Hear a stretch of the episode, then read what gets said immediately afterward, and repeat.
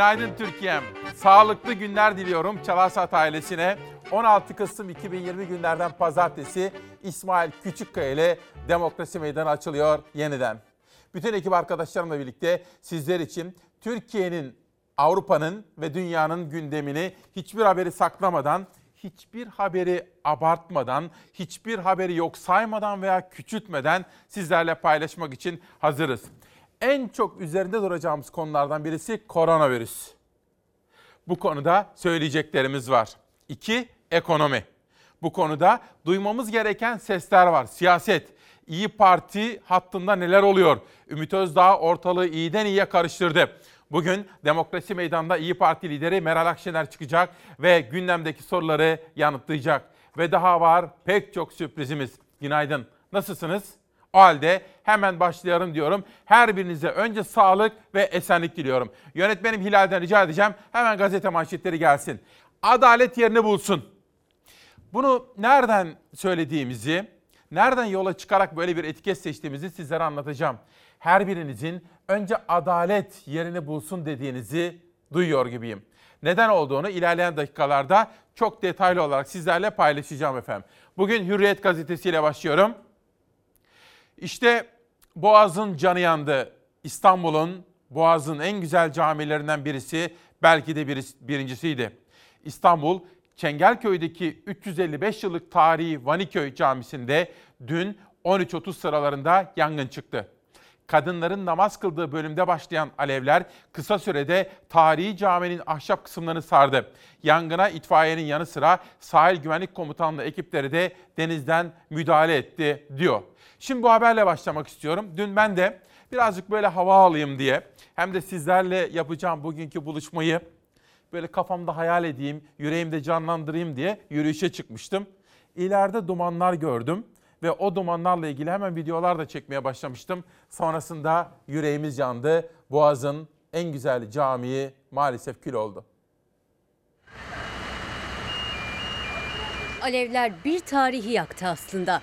350 yıllık Vaniköy Camii alevlere teslim oldu. İstanbul Boğazı duman altında kaldı. Anadolu yakasında Üsküdar kıyısında tek minareli tarihi cami. 1670 yılında inşa edilmiş ve bugüne kadar gelmişti. Belirlenemeyen nedenle yangın çıktı. Çıkış nedeni belirsiz.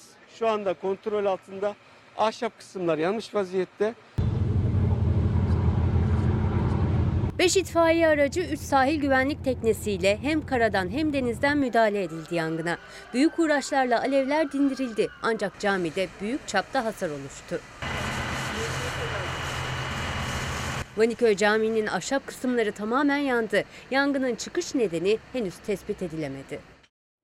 Çok hazin ve insanı üzüntüye boğuyor efendim. Bu konuyu araştırmayı ve takip listemizde tutmayı sürdüreceğim. Uyanan siz çok kıymetli Çalar Saat ailesini görüyorum. Ayşe Altun, Cüneyt Can, Mehmet Erdemli. Önce sağlık diliyorlar. Ben de sizlere önce sağlık diliyorum. Şu anda hastane odalarında bizimle birlikte olan Abdülkadir Aksu. Canip Karakuş onlar da Covid tedavisi görüyorlar. Şu anda hastane odalarında bizi izliyorlar. Ben de kendilerine geçmişler olsun diyorum. Canip Karakuş'a ve Abdülkadir Aksu'ya hasta olan başka pek çok izleyenimiz var. Her birini de canı gönülden selamlamak ve geçmiş olsun demek istiyorum. Hürriyet gazetesinden caminin yandığına dair haber ve şimdi geldi Milliyet gazetesinden korona. Öyle böyle değil efendim. Yalnızca İstanbul'da değil, Ankara, İzmir'de değil memleketimizin her bir tarafında Covid vakaları patladı. Bugün acaba bir hafta 15 gün kapansak mı? Bu virüsün artış hızını yavaşlatmak ve kontrol altına almak için sağlık çalışanlarımızın bir parça nefeslenmesi için acaba bir hafta veya iki hafta kapatsak mı? Ne dersiniz? İşte bugün bu sorunun da yanıtını arayacağız hep beraber. Milliyetten bir manşet, kısıtlamaya %64 destek. Artan vaka sayılarının ardından yapılan araştırmada toplumdaki genel eğilim hafta sonu sokak kısıtlaması olması yönünde. Ipsos'un 5-10 Kasım'daki araştırmasına göre toplumun %64'ü tüm Türkiye'de koronavirüs salgın nedeniyle yeniden sokağa çıkma yasağının getirilmesi gerektiğini düşünüyor. %20 bu kısıtlamanın bazı iller için uygulanabileceği görüşünde. Yasağa rağmen tamamen karşı çıkanların oranı %9 olurken geri kalan kısım fikir beyan etmedi. Bu konuda sizler de düşüncelerinizi ifade edin. Ama ben peşin peşin söyleyeyim. Keşke ekonomimiz el verse de şöyle 15 gün kapanabilsek. Böylece virüsün artış ve yayılım hızını bir parça da olsa kontrol altına alabiliriz diye düşünüyorum. Bugün İstanbul'da bize sağlık kurumlarının kendi notuyla bulaşıcı hastalık diye gönderilen vefat sayılarımıza baktığımızda son bir hafta için özellikle konuşuyorum. Türkiye için açıklanan vefat sayısının Türkiye için açıklanan vefat sayısının en az 50 kadar fazlası sadece İstanbul'da var. Bu kadar net. Birkaç saat sonra daha da net bir sayı verdi İmamoğlu. Sadece bir günde İstanbul'da Covid nedeniyle hayatını kaybedenlerin sayısının 164 olduğunu açıkladı. Mezarlıklar Daire Başkanlığımızın bulaşıcı hastalık ölüm sayısı bugün 164 olmuştur. Bu sayı tüm pandemi döneminde bildirilen en yüksek sayıdır. Bulaşıcı hastalıktan vefat eden 164 vatandaşımızı Allah'tan rahmet dilerim. Sayın Fahrettin Koca tedbir almada gecikiyorsunuz. İstanbul Büyükşehir Belediye Başkanı Ekrem İmamoğlu'nun sadece İstanbul için verdiği sayı, Sağlık Bakanı'nın tüm Türkiye için verdiği sayının iki katına yakın. Sağlık Bakanlığı'nın verilerine göre tüm Türkiye'de 92 kişi hayatını kaybetti 14 Kasım'da. 15 Kasım tablosunda ise 89 kişi. İddia vaka ve ölüm sayılarının düşük gösterildiği yönünde. En son dün itibariyle 11 11.418 ölüm demişti. Bunları 3 ile çarpmak gerekiyor gerçek rakamlar için. Yani Türkiye'deki koronaya bağlı ölümlerin 30 bin civarında olduğunu söylemek hiç abartılı bir şey değil, sayı değil. Daha bile yüksek olursa e, bir gün muhtemelen bir gün hepsi ortaya çıkacaktır bunların. Gerçeklerin böyle bir şeyi var bir gün ortaya çıkabiliyorlar. Yani şaşırtıcı olmaz. Sağlık Bakanlığı'nın açıkladığı koronavirüs tablosuna göre 15 Kasım'da yeni hasta sayısı 3223. Ağır hasta sayısı daha fazla 3439. Vaka sayısı zaten bilinmiyor ama haftalık durum raporu da 25 Ekim'den bu yana yayınlanmıyor. Son yayınlanan da yani 19-25 Ekim haftasında İstanbul'da salgının büyüme oranı %37,7 olarak açıklanmıştı. Yani düşünün ki bir Belçika 11 milyonluk bir Belçika'dan bile eğer bizdeki vaka sayısı ya da ölüm sayısı 2-3 kat az ise gerçekten bunu bütün dünyaya insanlık namını öğretelim, anlatalım ya. Salgının merkezi haline gelen İstanbul'daki durumu tabip odası açıkladı. Adı konulmamış sürü bağışıklığı iddiası dile getirildi. İşlerin bu noktaya gelmesindeki asıl mesele Türkiye'nin salgınla mücadele programı var mıydı? O da ayrı bir tartışma. Bugün itibariyle artık tamamen iflas etmiş vaziyette. Türkiye'de artık o İngiltere'nin falan ilk başta deneyip sonradan vazgeçtiği sürü bağışıklığı denilen, kitle bağışıklığı denilen, Türkçesi ölen ölür kalan sağlar bizimdir politikasını benimsemiş vaziyette. İstanbul Tabip Odası'ndan Doktor Osman Öztürk'e göre daha fazla geç kalınmadan İstanbul'da en az 14 günlük bir kapanma şart. En az iki haftalık bir süreçte temel, zorunlu, acil üretim alanları dışında bütün iş yerlerinin kapatılması. Tabii ki burada çalışanlara herhangi bir zarar gelmeden maske, mesafe, hijyen bu artık biraz da tekerlemeye dönüştü. Bunlar yanlış değil ama sadece bunu söyleyerek koronayla mücadele edilemiyor. Aslında bu kadar çok ölümün olmasının sorumlusu bu zihniyet. Türkiye'de koronavirüs mücadelesini kazanabilmek için önce bu zihniyetle mücadele etmek gerekiyor. Bence iki hafta kapanma virüsün artış hızını yavaşlatabilir. Keşke ekonomik durumumuz buna el verse diyorum. Bu arada az evvel hastane odalarından bizimle birlikte olan kıymetli Çalarsat ailesine selam vermiştim. Avukat Aylin Surkultay ve Muhittin Aslantürk'te Covid tedavisi devam eden arkadaşlarımız. Onlara da teşekkürler ediyorum ve geçmişler olsun dileklerimi ifade etmek istiyorum. Hürriyet ve Milliyet'ten sonra sıra geldi Pencere gazetesinde. Korona aşısının mucidi Şahin normal hayata 2021 kışında dönülebilir. Koronavirüs aşısını bulan BioNTech şirketinin CEO'su Profesör Uğur Şahin aşının etkisinin yaz aylarında yoğun bir şekilde görülebileceğini ve hayatın gelecek kış itibariyle normale döneceğini söyledi. Şahin aşının vaka sayılarına çok büyük bir etkisi olmaması nedeniyle bu kış aylarının yine zor geçeceğini belirtti diyor. Bugün gazetede Bu konuyu sizlerle haberleştireceğim. Almanya'da yaşayan bir Türk çift, bir karı koca muazzam işler yaptılar. Dünyanın manşetlerinde onlardan biraz sonra övgüyle bahsedeceğiz. Aşıyı bulan Türkler Almanya'da görev yapan bilim insanlarından bahsedeceğim efendim. Böylece Sözcü gazetesine geçelim. Sözcü gazetesi müebbet hapis alan iki mahkum tahliye edildi. Yanlış kararların faturası acı oluyor. Türkiye'de gazeteciler kaçma şüphesi var diye yıllarca hapiste tutulurken kafa kesip ağırlaştırılmış müebbet cezası alan katiller serbest bırakılıyor. Yargıdaki skandallar bitmiyor.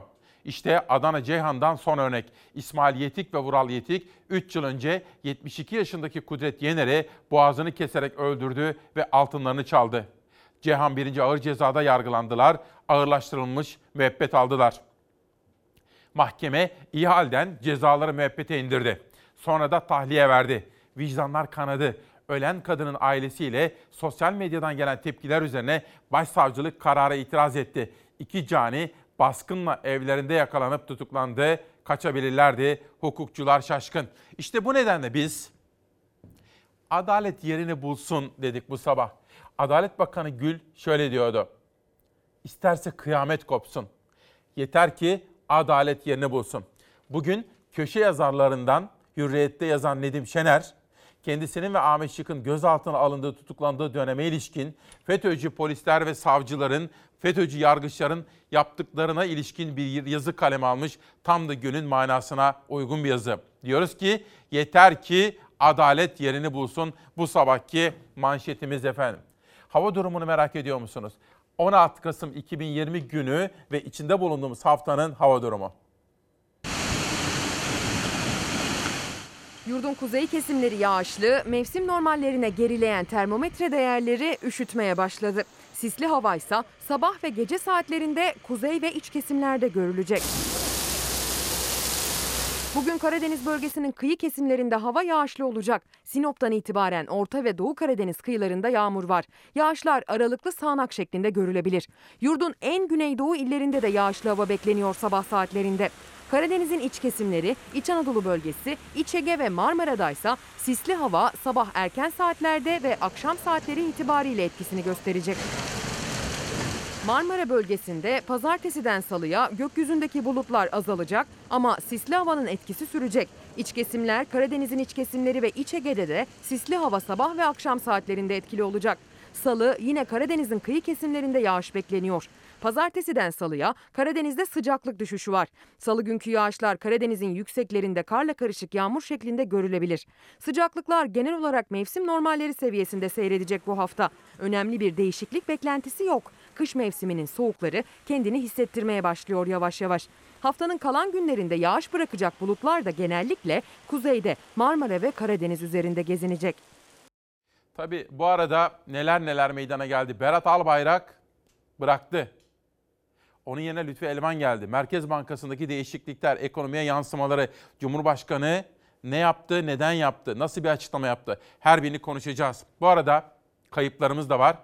Çok kıymetli bir hocamız Erdoğan Moroğlu hocamız. Onu da kaybettik efendim. Çok kıymetli bir akademik isimdi. Kendisini buradan rahmetle ailesini başta Nazan Moroğlu hocamız olmak üzere onlara sabır dileklerimle selamlamak istiyorum. Erdoğan Moroğlu hocamızı da kaybettik. Dünyanın manşetlerine bakacağım. Financial Times gazetesi hafta sonunda İstanbul'da yapılan yarışlara manşetten yer vermiş ve Hamilton biliyorsunuz yarışı kazandı. Bu konudaki detaylar, meydana gelen gelişmeler ve polemikler asfalt ağladı diye bir polemik var. İlerleyen dakikalarda size İstanbul'da yapılan Formula 1 yarışlarına dair detayları anlatacağım efendim. Şimdi Independent'a geçelim. Bugün ayrıca Amerika'da yapılan seçimler Trump bırakmaya hiç de gönlü razı değil. Trump bırakıp gitmek istemiyor. Kolay değil. Hangi açıklamaları yaptı? Peki Trump bırakmazsa ne olur? ABD Genelkurmay Başkanı'nın bu konuda yaptığı açıklamalar var. Biz diyor herhangi bir kişiye yemin etmedik. Hayır. Biz diyor anayasaya bağlılık yemin ettik diyor. Bu mesajın adresi neresi? Onu da bugün konuşma imkanı bulacağız. İşte bakın Amerika'da meydana gelen gelişmeler, Seçimden sonra ortaya çıkan manzara manşetlerde Trump'ı destekleyenler de gösteri yapmaya başladılar Washington DC'de efendim. Bu konudaki haberleri sizlere anlatacağım. Liberasyona geçelim. Liberasyon gazetesinde de yine Putin. Fakat 20 Ocağı kadar geçecek mi bu süre? 2 ay lanet olsun şu geçecek 2 aya şeklinde bir manşet atmış diyorum. Le, Le Vanguardia gazetesine geçiyorum. İspanya'dayım. Sayfanın tam ortasındaki fotoğrafa bakarsanız pandemi döneminde dünyada meydana gelen gelişmeler de özellikle okullar ve eğitim bağlamında yine bugün dünyanın manşetlerinde soğuk hava sınıfları tehdit ediyor. Tabii Ekim rahattı görece. Kasım ayında da idare edebiliriz ama kış aylarında soğukta çocuklarımız tamamen sınıflarda olacak. Sınıflarda pandemiyle ilgili hangi önlemler alındığı alınıyor. Sıradaki haber dünyanın koronayla mücadelesi. İngiltere Başbakanı Boris Johnson ikinci kez karantinaya girdi. Avrupa'da sokağa çıkma yasakları yeniden devrede. Karantina kararları protestoları da beraberinde getirdi. Covid-19'a karşı geliştirilen aşının mucitlerinden Türk bilim insanı herkesi merak ettiği soruyu yanıtladı. Normal hayata dönüşün bir yıl sonra mümkün olabileceğini işaret etti. Çin'in Wuhan kentinde geçtiğimiz yılın sonunda ortaya çıkan koronavirüs salgınında ikinci dalga dünyayı sardı. Vaka sayısı 55 milyona dayandı. Hayatını kaybedenlerin sayısı ise 1 milyon 350 bine yaklaştı. So uh. Nisan ayında virüse yakalanan İngiltere Başbakanı Boris Johnson yeniden karantinada. Testi pozitif biriyle teması ortaya çıkan Johnson'ın semptomu olmadığı açıklandı. İngiltere Başbakanı çalışmaya Başbakanlık ofisinden devam edecek. Salgının merkezindeki Avrupa'da önlemler artıyor. Sokağa çıkma yasakları yeniden devreye girdi. İngiltere, Fransa, Almanya'nın yanı sıra diğer ülkeler de düğmeye bastı. Daha önce kısmi yasak uygulayan Avusturya vaka sayılarını düşüremeyince yeni tedbirleri hayata geçirme kararı aldı. Ülkede 17 Kasım Salı gününden itibaren sokağa çıkma yasağı uygulanacak. Gerekli olmayan tüm dükkanlar kapatılırken okullarda uzaktan eğitime geçilecek. Kısıtlamaların 6 Aralık'ta sona ermesi planlanıyor. Yasaklardan memnun olmayanlar da var. İngiltere ve Almanya'da Covid-19 kısıtlamaları protesto edildi. Göstericilerle polis arasında zaman zaman çatışmalar yaşandı. Gözaltına alınanlar oldu. Dünyanın gözü ise iki Türk bilim insanının geliştirdiği Covid-19 aşısında. Aşının mucitlerinden Profesör Doktor Uğur Şahin BBC'ye konuştu. Türk profesör ciddi bir yan etkinin görülmediğini belirttiği aşının dağıtımı için yıl sonunu işaret etti. Aşının etkisinin yaz aylarında yoğun şekilde görüleceğini anlattı. Hayatın ancak gelecek kış aylarında normale dönebileceğini söyledi. Bugün ana gündem maddelerimizden birisi korona. Bu konudaki gelişmeleri çok detaylı olarak konuşacağız. Ve bu konuda sormamız gereken soru acaba iki hafta kapansak mı? Avrupa'da ve dünyada gördüğümüz gibi. İki, ekonomiye dair pek çok haber ve işsizlik, esnafın yaşadığı duruma dair de manşetlerimiz olacak. Üç, bugünkü etiketimiz yeter ki adalet yerini bulsun. Adalet Bakanı Gül'ün adalet ve hukuk reformu konusundaki sözler üzerinden bir manşet seçtik bu sabah. Bu arada efendim bir kaybımız daha var. Ben kendisini Bilecik'te valiyken tanımıştım. Böyle tam bir cumhuriyet valisi. Devletin, halkın, milletin valisiydi. Refik Arslan Öztürk valimizi de kaybettik. Sözcü gazetesinde yazan Saygı abimizin de ağabeyidir. Ben Bilecik valisinde o Bilecik valise görev yaparken gitmiştim de tanışmıştık. Haberler yapmıştım. Allah rahmet eylesin ve Öztürk ailesine de buradan başsağlığı diliyorum. Sözcüden sabaha geçelim. Diplomasi oyunlarına tahammülümüz yok. Dün Kuzey Kıbrıs Türk Cumhuriyetleri doğum günü kutladı. 37. yaşına girdi efendim. Bugün o konudaki haberleri de sizlere anlatacağım. Dün adada meydana gelen gelişmeler, Cumhurbaşkanı Erdoğan'ın sözleri sabahtan aktarıyorum. Başkan Erdoğan, KKTC'nin 37. kuruluş yıl dönümünde Lefkoşa'dan dünyaya seslendi. Doğu Akdeniz'de Türkiye'nin olmadığı denklem barış üretemez. Yeterince, yeterinden fazla haksızlık yapıldığını söylüyor Cumhurbaşkanı Erdoğan ve artık Türkiye'nin bu haksızlığa göz yummayacağının altını çiziyor efendim. Bu arada biz yokken dedim ya Berat Albayrak bıraktı. Dün Berat Albayrak, kardeşi Serhat Albayrak ve aileleri çocuklarıyla birlikte Antalya'da tatildeydiler. Dün akşam Türk Hava Yolları'yla saat 20 civarında uçakla hem Serhat Albayrak, Berat Albayrak eşleri, çocuklarıyla birlikte tatil yaptıkları Antalya'dan döndüler efendim. Herkes çok merak ediyordu. Kimisi işte Trabzon'a gittiler, kimisi yurt dışına gittiler falan diyordu. Ben size bilgiyi aktarayım. Dün saat 20.05 uçağıyla galiba Antalya'dan geldi Albayrak kardeşler, eşleri ve çocuklarıyla birlikte. Şimdi İstanbul'a geldiler. Merak edenler için bu kulis bilgisini de vermiş olalım. Biz bu arada evdeyken, evde istirahat ederken İzmir'imizde de deprem meydana geldi. Bu konuyu da bugünden itibaren her gün gündeme taşıyacağız. Sadece İzmir değil, İstanbul için ve Türkiye için de deprem dosyasını her sabah açıp her sabah hatırlatacağız ki önlemleri alalım. Merhaba ben Ilgın. Seninle çok sevdiğim oyuncağımı paylaşmak istiyorum. Umarım bu oyuncağı seversin. Seni çok seviyorum. Sadece küçük ılgının gönderdiği o oyuncak değil. Türkiye'nin dört bir yanından yardım yağdığı İzmir'e. 6,6'lık depremin vurduğu İzmir'de yaralar sarılmaya çalışılıyor. Bu ders. Yani konularda çok afet sonrasında ne yapmak lazım, nasıl yapmak lazım onun uygulama örneği. Merhaba canım. Ne oldu o diş? Ne oldu? Yenisi gelecek miymiş sordun mu?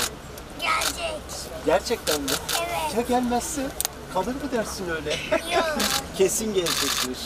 Evet. İyi hadi o zaman tamam. Çok geçmiş olsun. Var mı isteğiniz? Biz artık bize gelenlere diyoruz ki sizin bir şeye ihtiyacınız varsa biz size verelim diyoruz. Gerçekten. Küçük bir şehirden farksız İzmir'de kurulan çadır kentler. Evlerini kaybedenler 16 gündür çadırlarda sürdürüyor hayatlarını. Depremzedelerin her ihtiyacı karşılanabiliyor kurulan çadır kentlerde. İlk anlarda yaptığımız o akşam ilk akşam 259 çadır kurmuştuk.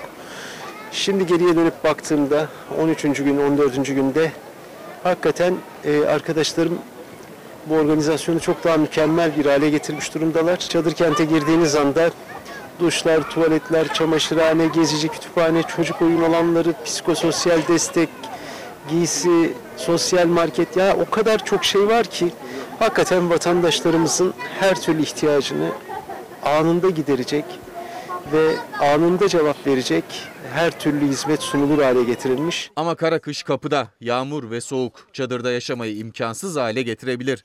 Üstelik koronavirüs salgınının yayılması için de ortam çok müsait. Soğuklar bastırmadan kalıcı bir çözüm bekliyor İzmirliler. Bir an önce e, buna ihtiyaç duymayacağımız bir noktaya geliriz ve vatandaşlarımızı çadırlardan kurtarır, kalıcı konutlarına çıkartırız. Çadır kentleri ziyaret eden İzmir Büyükşehir Belediye Başkanı Tunç Soyer de bu soruna dikkat çekti. Depremzedelere konut sağlayabilmek için ilk adım atılmıştı ama kalıcı çözümler bulunmalı. Bu konuyu yarın özel bir konu, özel bir dosya, özel bir konukla gündeme taşıyacağım efendim. İzmir depremi, beklenen, korktuğumuz ama kaçınılmaz olan İstanbul depremi ve Türkiye'nin deprem gerçekliğini yarından itibaren gündeme daha yoğun bir şekilde taşıyacağım. Hazır sözü İzmir'den açmışken Mehmet Sepil'e, Mehmet abimize de Göztepe Spor'un başkanı çok eski yıllardan beri tanırım. Çok sever, çok sayarım. Mehmet Sepil de Covid tedavisi devam ediyor. Evinde gayet iyi. Hemen hemen her gün konuştum kendisiyle. Eşi de yanında Ayşegül. Dolayısıyla İzmir'e, Göztepe'ye ve Mehmet Sepil'e de Covid tedavisi devam eden bütün hastalarımıza da geçmişler olsun diyorum. Bu arada ben de evde istirahat ederken, tedavim devam ederken bizim yerimize buralarda görev yapan, emek harcayan arkadaşlarımız, kardeşlerimiz İlker Karagöz, Merve Yıldırım, bütün teknik ekibimiz, haberci ekibimize de Ankara büromuza çok çok teşekkürler ediyorum efendim. Sabahtan bir güne geçelim. İktidarın mutluluk formülü duble yol. Gençlik ve Spor Bakanlığı'nın bütçe görüşmelerinde işsizlik ve gelecek kaygısıyla boğuşan gençlerin mutsuz olduğu dile getirildi. AKP'li Aydemir gençlere mutluluğun formülünü şöyle açıkladı. Otobanlar ve bölünmüş yollar. Buyurun buradan yakın. Mustafa Bildirici'nin manşeti. Enerji ve Tabii Kaynaklar Bakanlığı'nın bütçe görüşmelerinde muhalefet milletvekillerince dile getirilen usulsüzlük iddialarına huzuru bozmayın şeklinde yanıt veren AKP milletvekili Uğur Aydemir, Gençlik ve Spor Bakanlığı'nın bütçe görüşmelerinde de benzer bir çıkışa imza attı. Muhalefet, gençlerin işsizlik ve gelecek kaygısı nedeniyle mutsuz olduğuna dikkat çekti. AKP'li Aydemir, gençlere otobanların, bölünmüş yolların ve sıra beklenmeyen hastanelerin anlatılması gerektiğini söyledi. AKP'li Aydemir, gençlerin mutsuzluğunu ortaya koyan araştırmaların kerameti kendinden menkul kuruluşlarca yapıldığını ileri sürmüş efendim. Genç kardeşlerimin şu anda işsizlikle mücadele eden, iş arayan ama bulamayan genç kardeşlerimin bu sözler üzerine neler hissettiklerini, neler düşündüklerini ve neler söylemek istediklerini gayet iyi biliyorum. Dünyadaki haberlere de dikkatle bakıyorum. Türkiye'de de zaman zaman benzeri kazaları, benzeri görüntüleri izliyoruz ve uyarı mahiyetinde o haberleri sizlere aktarıyoruz. Sıradaki haber için Moskova'ya gidiyoruz. Bir beton mikseri ve ortaya çıkan görüntüler. скорости 60 километров в час. Beton mikserinin yıktığı köprünün altında kalan araçtan sağ çıktılar. Mucize kurtuluş Rusya'nın başkenti Moskova'da yaşandı. Beton mikseri çevre yolunda ilerliyordu. Yapımı süren yeni geçiş köprüsünün altından geçerken mikser geçide çarptı. Arkadan gelen otomobil sürücüsü ne olduğunu anlamadan kendini yıkılan beton bloğun altında buldu.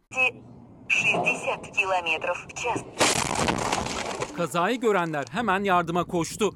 Otomobil sürücüsü ve yanındaki arkadaşı araçtan kurtarıldı. Yol saatlerce trafiğe kapanırken polis kazaya neden olan beton mikseri sürücüsünü gözaltına aldı.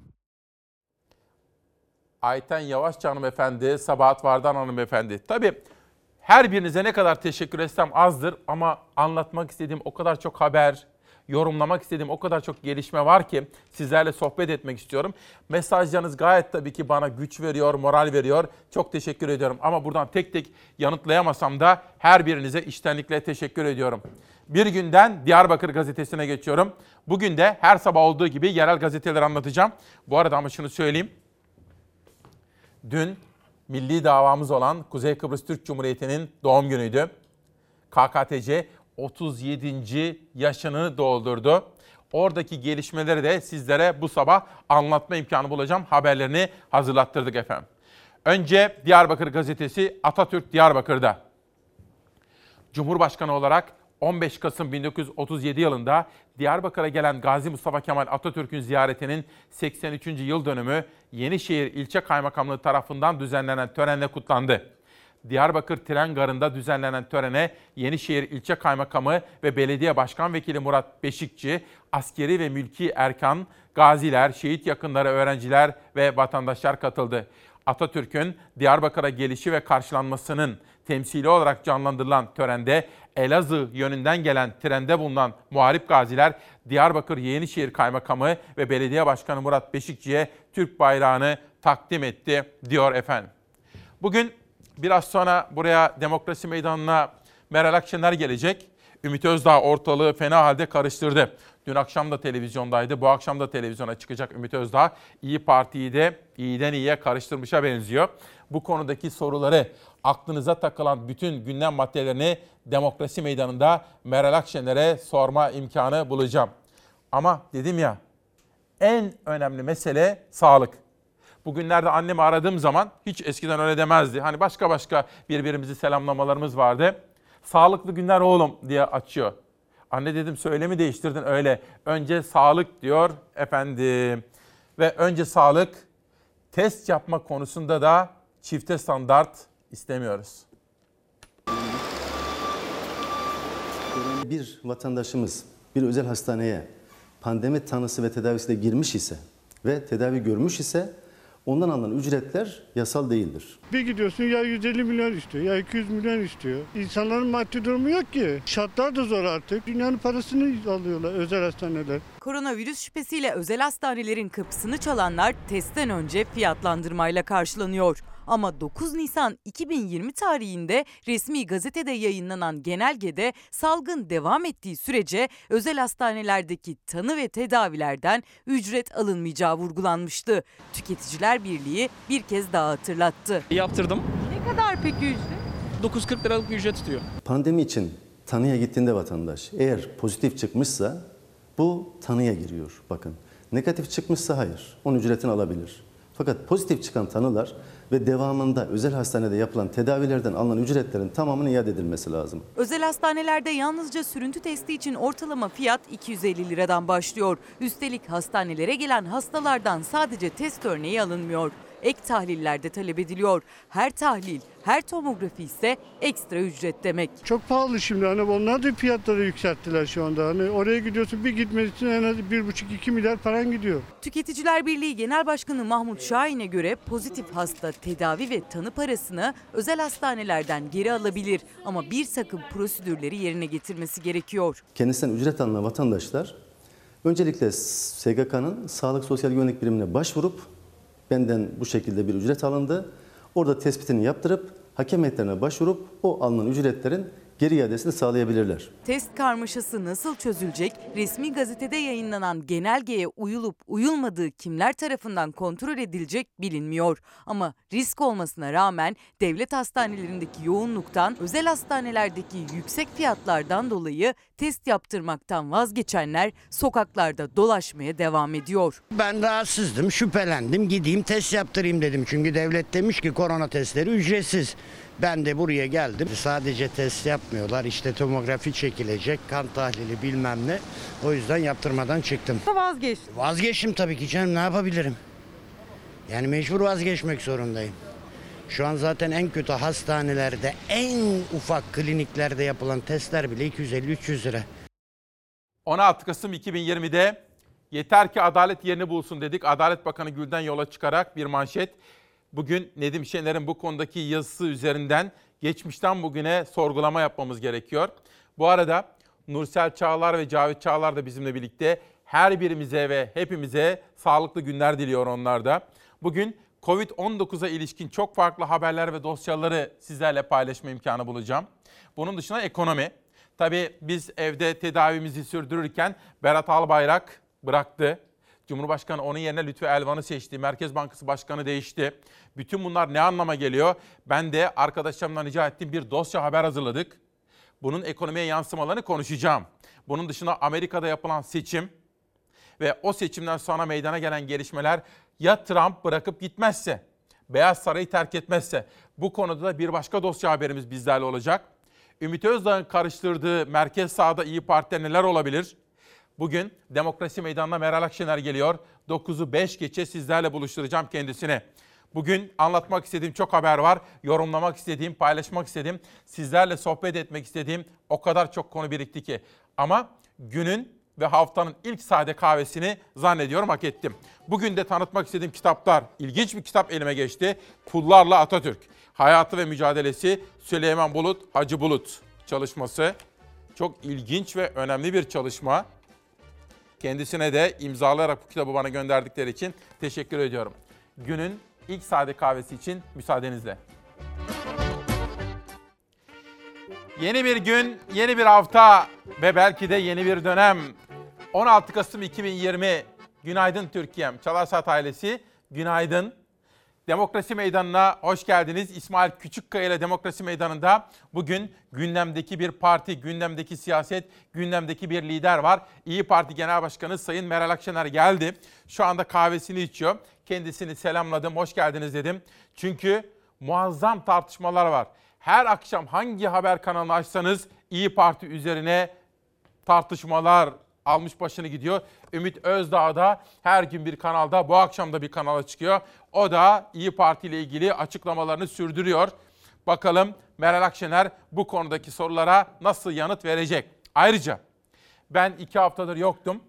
O arada Berat Albayrak ayrıldı. Ekonomi yönetiminde değişiklikler meydana geldi. Lütfü Elda, Elvan bakanlığa getirildi. Ekonomi yönetiminin patronluğuna getirildi. Bütün bu gelişmelerin yansımalarını, piyasalara etkilerini de haber olarak sizlere özet olarak sunmak istiyorum. O haber hazır mı İlhan? Yönetmenime soralım. Ekonomi dosyası hazır. O halde bence yılın en önemli haberi. Berat Albayrak Ekonomi Bakanlığı'ndan ayrıldı. Cumhurbaşkanı Erdoğan onun yerine Lütfü Elvan'ı seçti. Piyasaya nasıl yansıdı? Burası çok önemli. Yaklaşık 5 yıldır sürdürdüğüm bakanlık görevime sağlık sorunları nedeniyle artık devam edememe kararı aldım. 8 Kasım 2020 Pazar akşamı Türkiye Hazine ve Maliye Bakanı Berat Albayrak'ın yaptığı istifa paylaşımıyla sarsıldı. Devletin zirvesi 27 saat sessiz kaldı istifaya. Medyanın büyük bir kısmı haberi görmedi ama sosyal medya bu gelişmeyle çalkalandı. İstifa açıklamasının 27. saatinde Cumhurbaşkanlığı istifanın kabul edildiğini duyurdu. Ekonomide Albayrak dönemi sona erdi. Cenab-ı Allah sonumuzu hayır eylesin.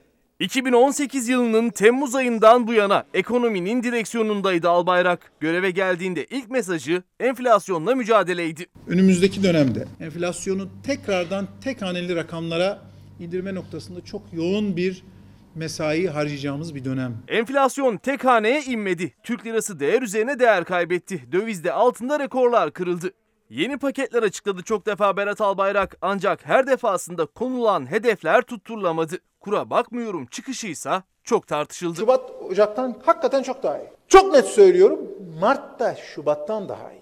Nisan Mart'tan zaten çok iyi olacak. Bugün kur çıkar, yarın iner. Yarın çıkar, öbür gün iner. Dolarla mı maaş alıyorsunuz? Ekonomide durum AK Parti içinde de eleştirilere neden oldu kulislere göre. Cumhurbaşkanlığı Yüksek İstişare Kurulu üyesi Bülent Arınç'ın sözleri de o eleştirilerin dışa vurumu oldu. Ekonomide sıkıntılar mutlaka var. Hatta ben Sayın Bakanımız yok canım ekonomide sıkıntı yok. Bu psikolojik dediği zaman hem kendisine itiraz ettim hem de kamuoyuna ne psikolojik yani.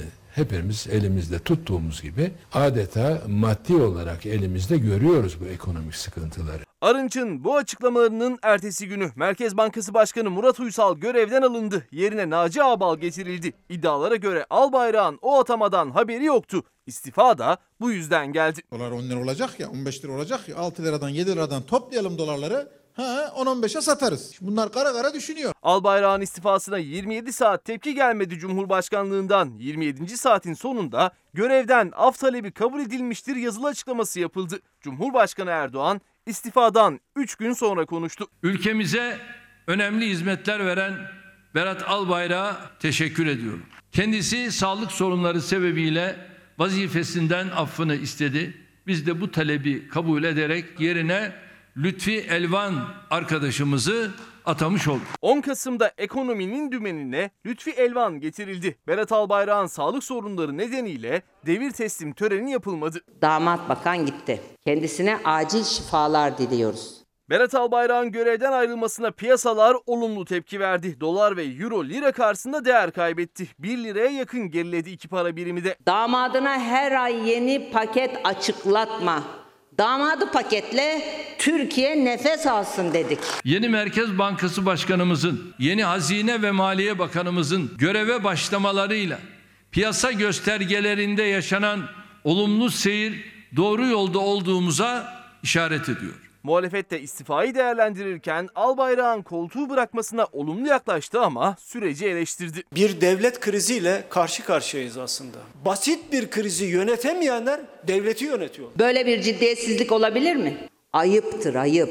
Kendisi lafa geldi mi biz devlet yönetiyoruz devlet diye parmak sallarken bir bakanı Twitter üzerinden son olarak da damadı Instagram üzerinden istifa etti. İstedikleri kadar isimler değiştirsen sadece çok geçici bir etkisi olur. Hazine Maliye Bakanı Türk ekonomisini irrasyonel düzenlemelerle batıran bir bakan. Zihniyet değişip değişmediğine bakacağız. Ekonomi hangi temelin üzerine oturacak? Yatırımlar üretime mi, hizmete, diğer konulara mı tahsis edilecek? Erdoğan'ın ekonomide yeni yol haritasını açıklarken kullandığı acı reçete ifadesi de muhalefetin tepkisini çekti. Şimdi gözler 19 Kasım'da Merkez Bankası'nın alacağı faiz kararında. Gerekiyorsa devlet ve millet olarak fedakarlık yapmaktan acı da olsa doğru reçeteleri uygulamaktan kaçınmayacağız. Bu özel dosya çalışmasını bilhassa rica etmiştim. Zafer Söken hazırladı. Kendisine çok teşekkür ediyorum. Sırada Beyza Gözeyik tarafından hazırlanan Amerika'daki seçim. Ya Trump bırakıp gitmezse ne olacak? Bu konudaki gelişmeleri de sizlere aktaracağım. Bunun dışında Covid'e ilişkin haberleri Ezgi Gözeger haberleştirdi. Ali Onur Tosun bizimle birlikte. Zeray Kınacı bu hafta izinli annesine ve babasına bakmak üzere gitti. Bana gündem çalışmalarında da danışmanım Nihal Kemaloğlu yardımcı oldu. Onun dışında bütün ekip arkadaşlarıma başta Mümin, kameraman kardeşim ve Yunus kardeşim, rejideki bütün ekip arkadaşlarıma ve kurgu servisine de içtenlikle teşekkür ediyorum emekleri için. Adalet yerini bulsun diyoruz. Bu nereden çıktı? Adalet Bakanı Gül'den yola çıktı. Bakın bir takım gelişmeler meydana geldi. Cumhurbaşkanı devreye girdi. Ekonomi yönetimine müdahale etti. Berat Albayrak istifa etti. Türk medyası o istifa haberini veremedi bir gün. Türk medyası açısından hazin bir tablodur. Bütün bu gelişmelerden sonra Lütfü Elvan ekonomiden sorumlu bakanlığa getirildi. Peki düzelecek miydi her şey? Düzelir mi? Her şey hukuka bağlı, adalete. O nedenle biz diyoruz ki isterse kıyamet kopsun. Yeter ki adalet yerini bulsun. Bugünkü manşetimiz işte bu. Ve gazeteci arkadaşlarımın sesini de duyurmak istiyorum efendim. Bakın, disk basın iş. AKP karar verdi, kartın yoksa yıpranamazsın. Birçok kez söyledik, devlet tarafından verilen kart gazetecilik ehliyeti değildir. Gazetecilik yapmak için basın kartı gerekmediği gibi kart yokken de bu meslek yeterince yıpratıcıdır. Bu gerçekten büyük bir haksızlığa yol açabilir. O nedenle iktidarıyla muhalefetiyle bütün milletvekillerinin basın emekçileri için burada devreye girmesi gerekiyor. Ben bu konuyu takip edeceğim. Hemen hemen her gün gündeme taşıyacağım efendim. Gazetecilerin yıpranma hakkından yararlanmaları için devletin verdiği ya da bazen vermediği basın kartını referans alamayız. Hayır, olmaz diyoruz. Hilmi Acaloğlu, Türkiye'deki tüm gazetecilik örgütleri bu mesele için bir araya gelmeli. Büyük bir eşitsizlik var diyor. Tekrar etmek isterim. Bu konuyu yoğun olarak gündeme taşıyacağım, takipçisi olacağım. Bu fotoğrafı mutlaka sizlerle paylaşmak istedim. Müesser Yıldız Ankara'nın en iyi, en dürüst gazetecilerinden biridir. Onun gibi cezaevine girip çıkmış hem de birkaç kez girip çıkmış Barış Terkoğlu ve Barış Pehlivan'la birlikte bu fotoğrafı verdiler. Müyesser Yıldız'ın özgürlüğüne kavuştuğu gün gazetecilik işte böyle zor bir meslektir diyorum efendim. Sırada Amerika'daki seçim. Joe Biden Amerika'daki seçimi kazandı. Fakat Amerika'da sürekli şunu tartışıyorlar. Trump Beyaz Sarayı terk etmezse ne olacak? Ben de ekip arkadaşlarımdan rica ettim. Trump Beyaz Sarayı terk etmezse ne olacak? İşte onun yanıtı. Resmi sonuçlar açıklanmasa da Joe Biden'ın seçimleri kazandığı netleşti. Biden kendisine oy verecek 300'den fazla delegeyi toplayacak kadar eyalet kazandı. Ancak Başkan Trump demokrat rakibinin zaferini kabul etmedi. Trump sosyal medya hesabından seçimlere hile karıştığı iddialarına aralıksız devam ediyor. Başkanın 20 Ocak'ta görevini Biden'a devretmemesi halinde neler olacağı en büyük merak konusu.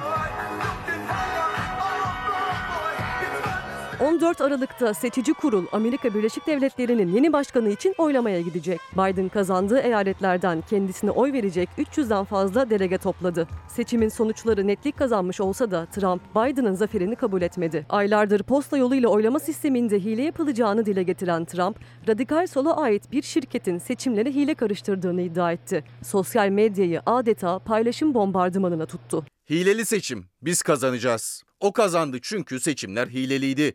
Oy sayımlarında hiçbir denetçi ya da gözlemciye izin verilmedi. Oylar radikal solun sahip olduğu kötü şöhretli bir şirket tarafından tasnif edildi. Bu şirket Teksas'ta yetersiz oldukları için orada açık ara farkla kazandım. Trump iddialarını sürdürse de birçok eyalette açtığı davada yerel mahkemeler yetersiz kanıttan davayı düşürdü. Bu durumda yüksek mahkeme yolu da görünmüyor Trump iktidarı için. Çünkü seçimlerin yüksek mahkemeye gitmesi demek Trump'ın lehine bir karar çıkabilmesi anlamını taşıyor. Zira yüksek mahkemenin 9 yargıcından 5'i muhafazakar olarak biliniyor. Trump'ın görev süresi 20 Ocak'ta doluyor ve görevini Biden'a devretmesi bekleniyor. Bugüne kadar başkanlık devrinde hiçbir sorun yaşanmamış olan ülkede Trump'ın iktidarı bırakmak istememesi halinde neler yaşanacağı konuşuluyor. Biden bu soruyu böyle bir durum yaşanması halinde ordu devreye girer olarak yanıtladı. Ancak Trump'ın böyle bir duruma gerek kalmadan yenilgiyi kabul ederek görevini devredeceği öngörülüyor. Genelkurmay Başkanı Mark Milley de tartışmaların üzerine son sözü söyledi. Biz bir diktatöre değil, anayasaya yemin ettik dedi. Biz bir krala, kraliçeye, bir zorbaya ya da bir diktatöre yemin etmeyiz. Bir ülkeye, bir kabileye ya da bir dine yemin etmeyiz. Biz anayasa için yemin ettik. Sosyal medyayı paylaşım bombardımanına tutan Trump, sokakların da karışmasına sebep oluyor. Destekçileriyle karşıtları arasında yaşanan gerginlik ortalığı savaş alanına çevirdi. Son olarak Washington sokakları da karıştı. Trump, Washington'da Freedom Plaza etrafında toplanan destekçilerini konvoyla ziyaret etti. Arabanın içinde kendisi için toplanan kalabalığı selamladı. Bu konuyu da yakından takip etmeyi sürdüreceğiz. Mehmet Bey de diyor ki dünyanın en büyük organizasyonlarından birisi Formula 1 İstanbul'da yapıldı. O konudaki duygunu, düşünceni merak ediyorum diyor. Erken saatlerde haber olarak sunmuştum. Financial Times gazetesinde de vardı. Dün akşam ana haberimizde de Gülbin Tosun'un sunduğu haberde de vardı biliyorsunuz. Ve Hamilton kazandı. Şunu da söyleyeyim.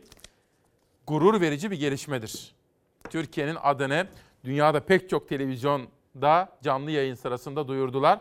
Asfalt tartışmalarını da eğer soruyor olursanız bence mükemmel iş çıkarılmıştı ve organizasyon komitesinde çok memnun olduğuna dair haberler geliyor. Keşke böylesine büyük organizasyonlar düzenlense. Ha oradaki bir tek eleştiri var. Eleştiri asfalta yönelik değil, sonrasındaki kutlamalara yönelik ama onu şu anda burada aktarmayacağım, teyit etmem gerekiyor. Gerçekten onu yaptılar mı? Hamilton kazandıktan sonra bir açıklaması var. Nasıl kutladılar? Onu teyit edeceğim bugün. Yani mutlaka doğrulatıp ondan sonra sizlerle paylaşacağım.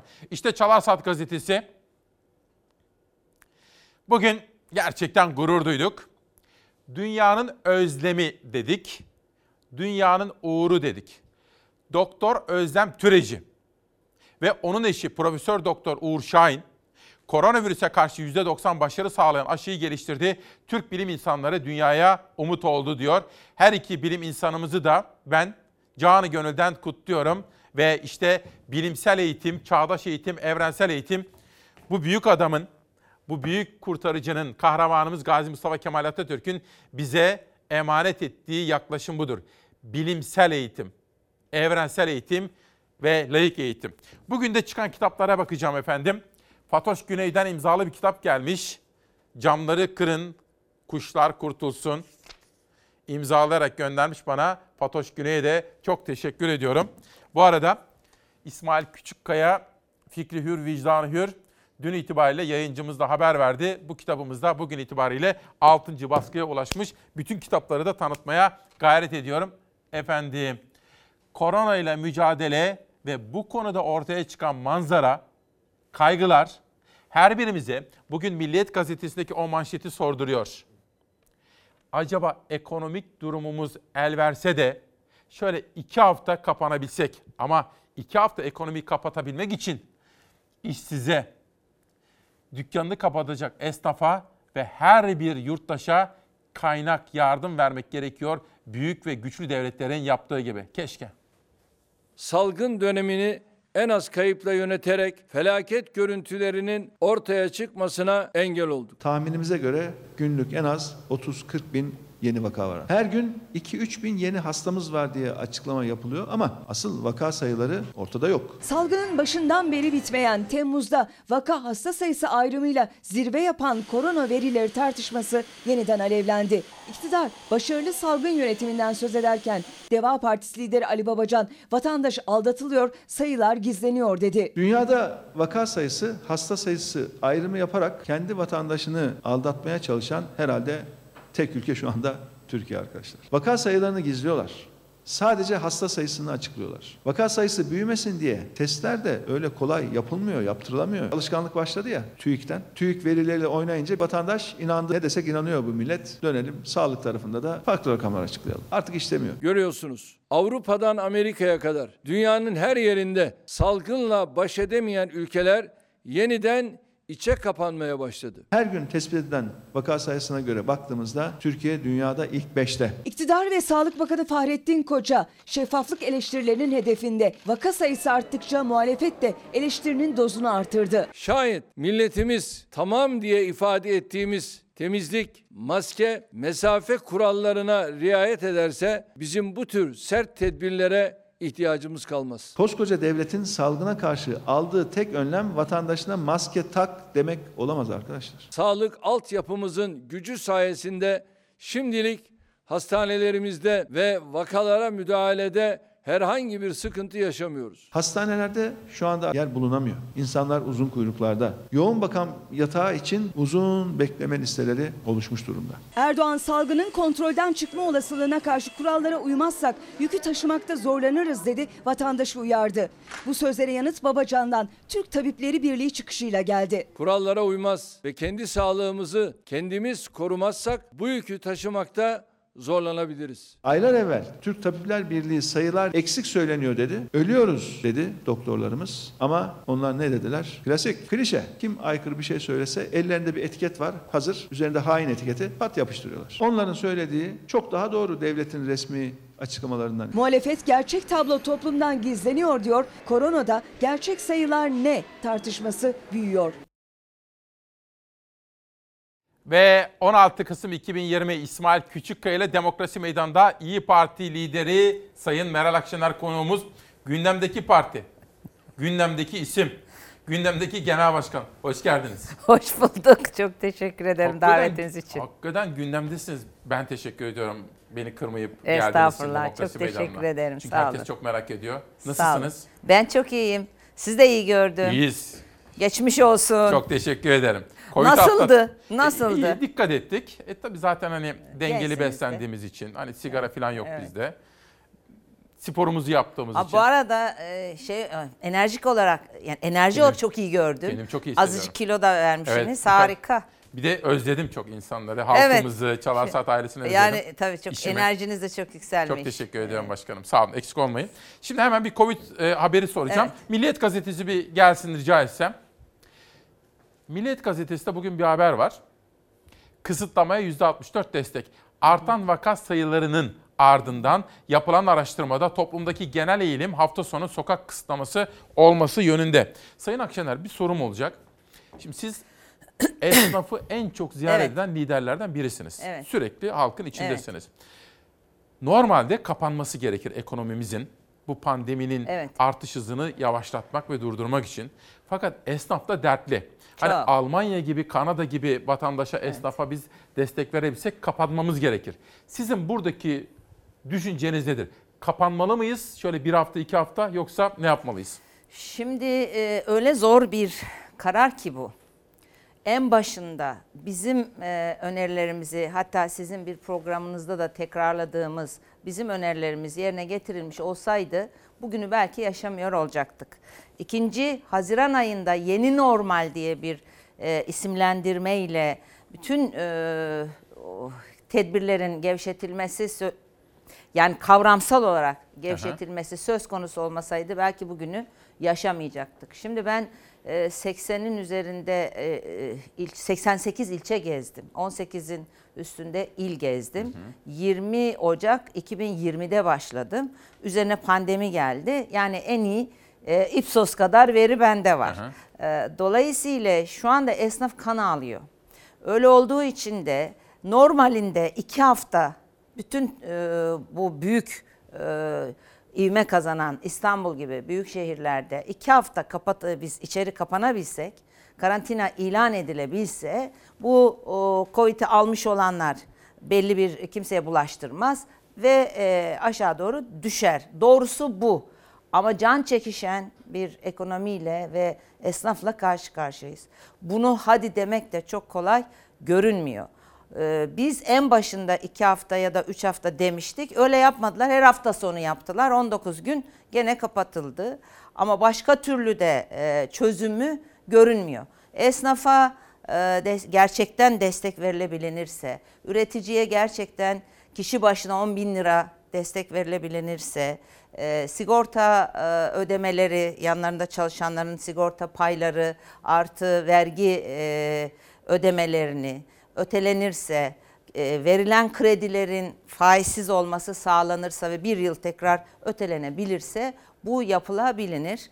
E, ama e, şöyle bir şey gelişti. O yeni normal zamanında hatta sizin burada söylemiştik.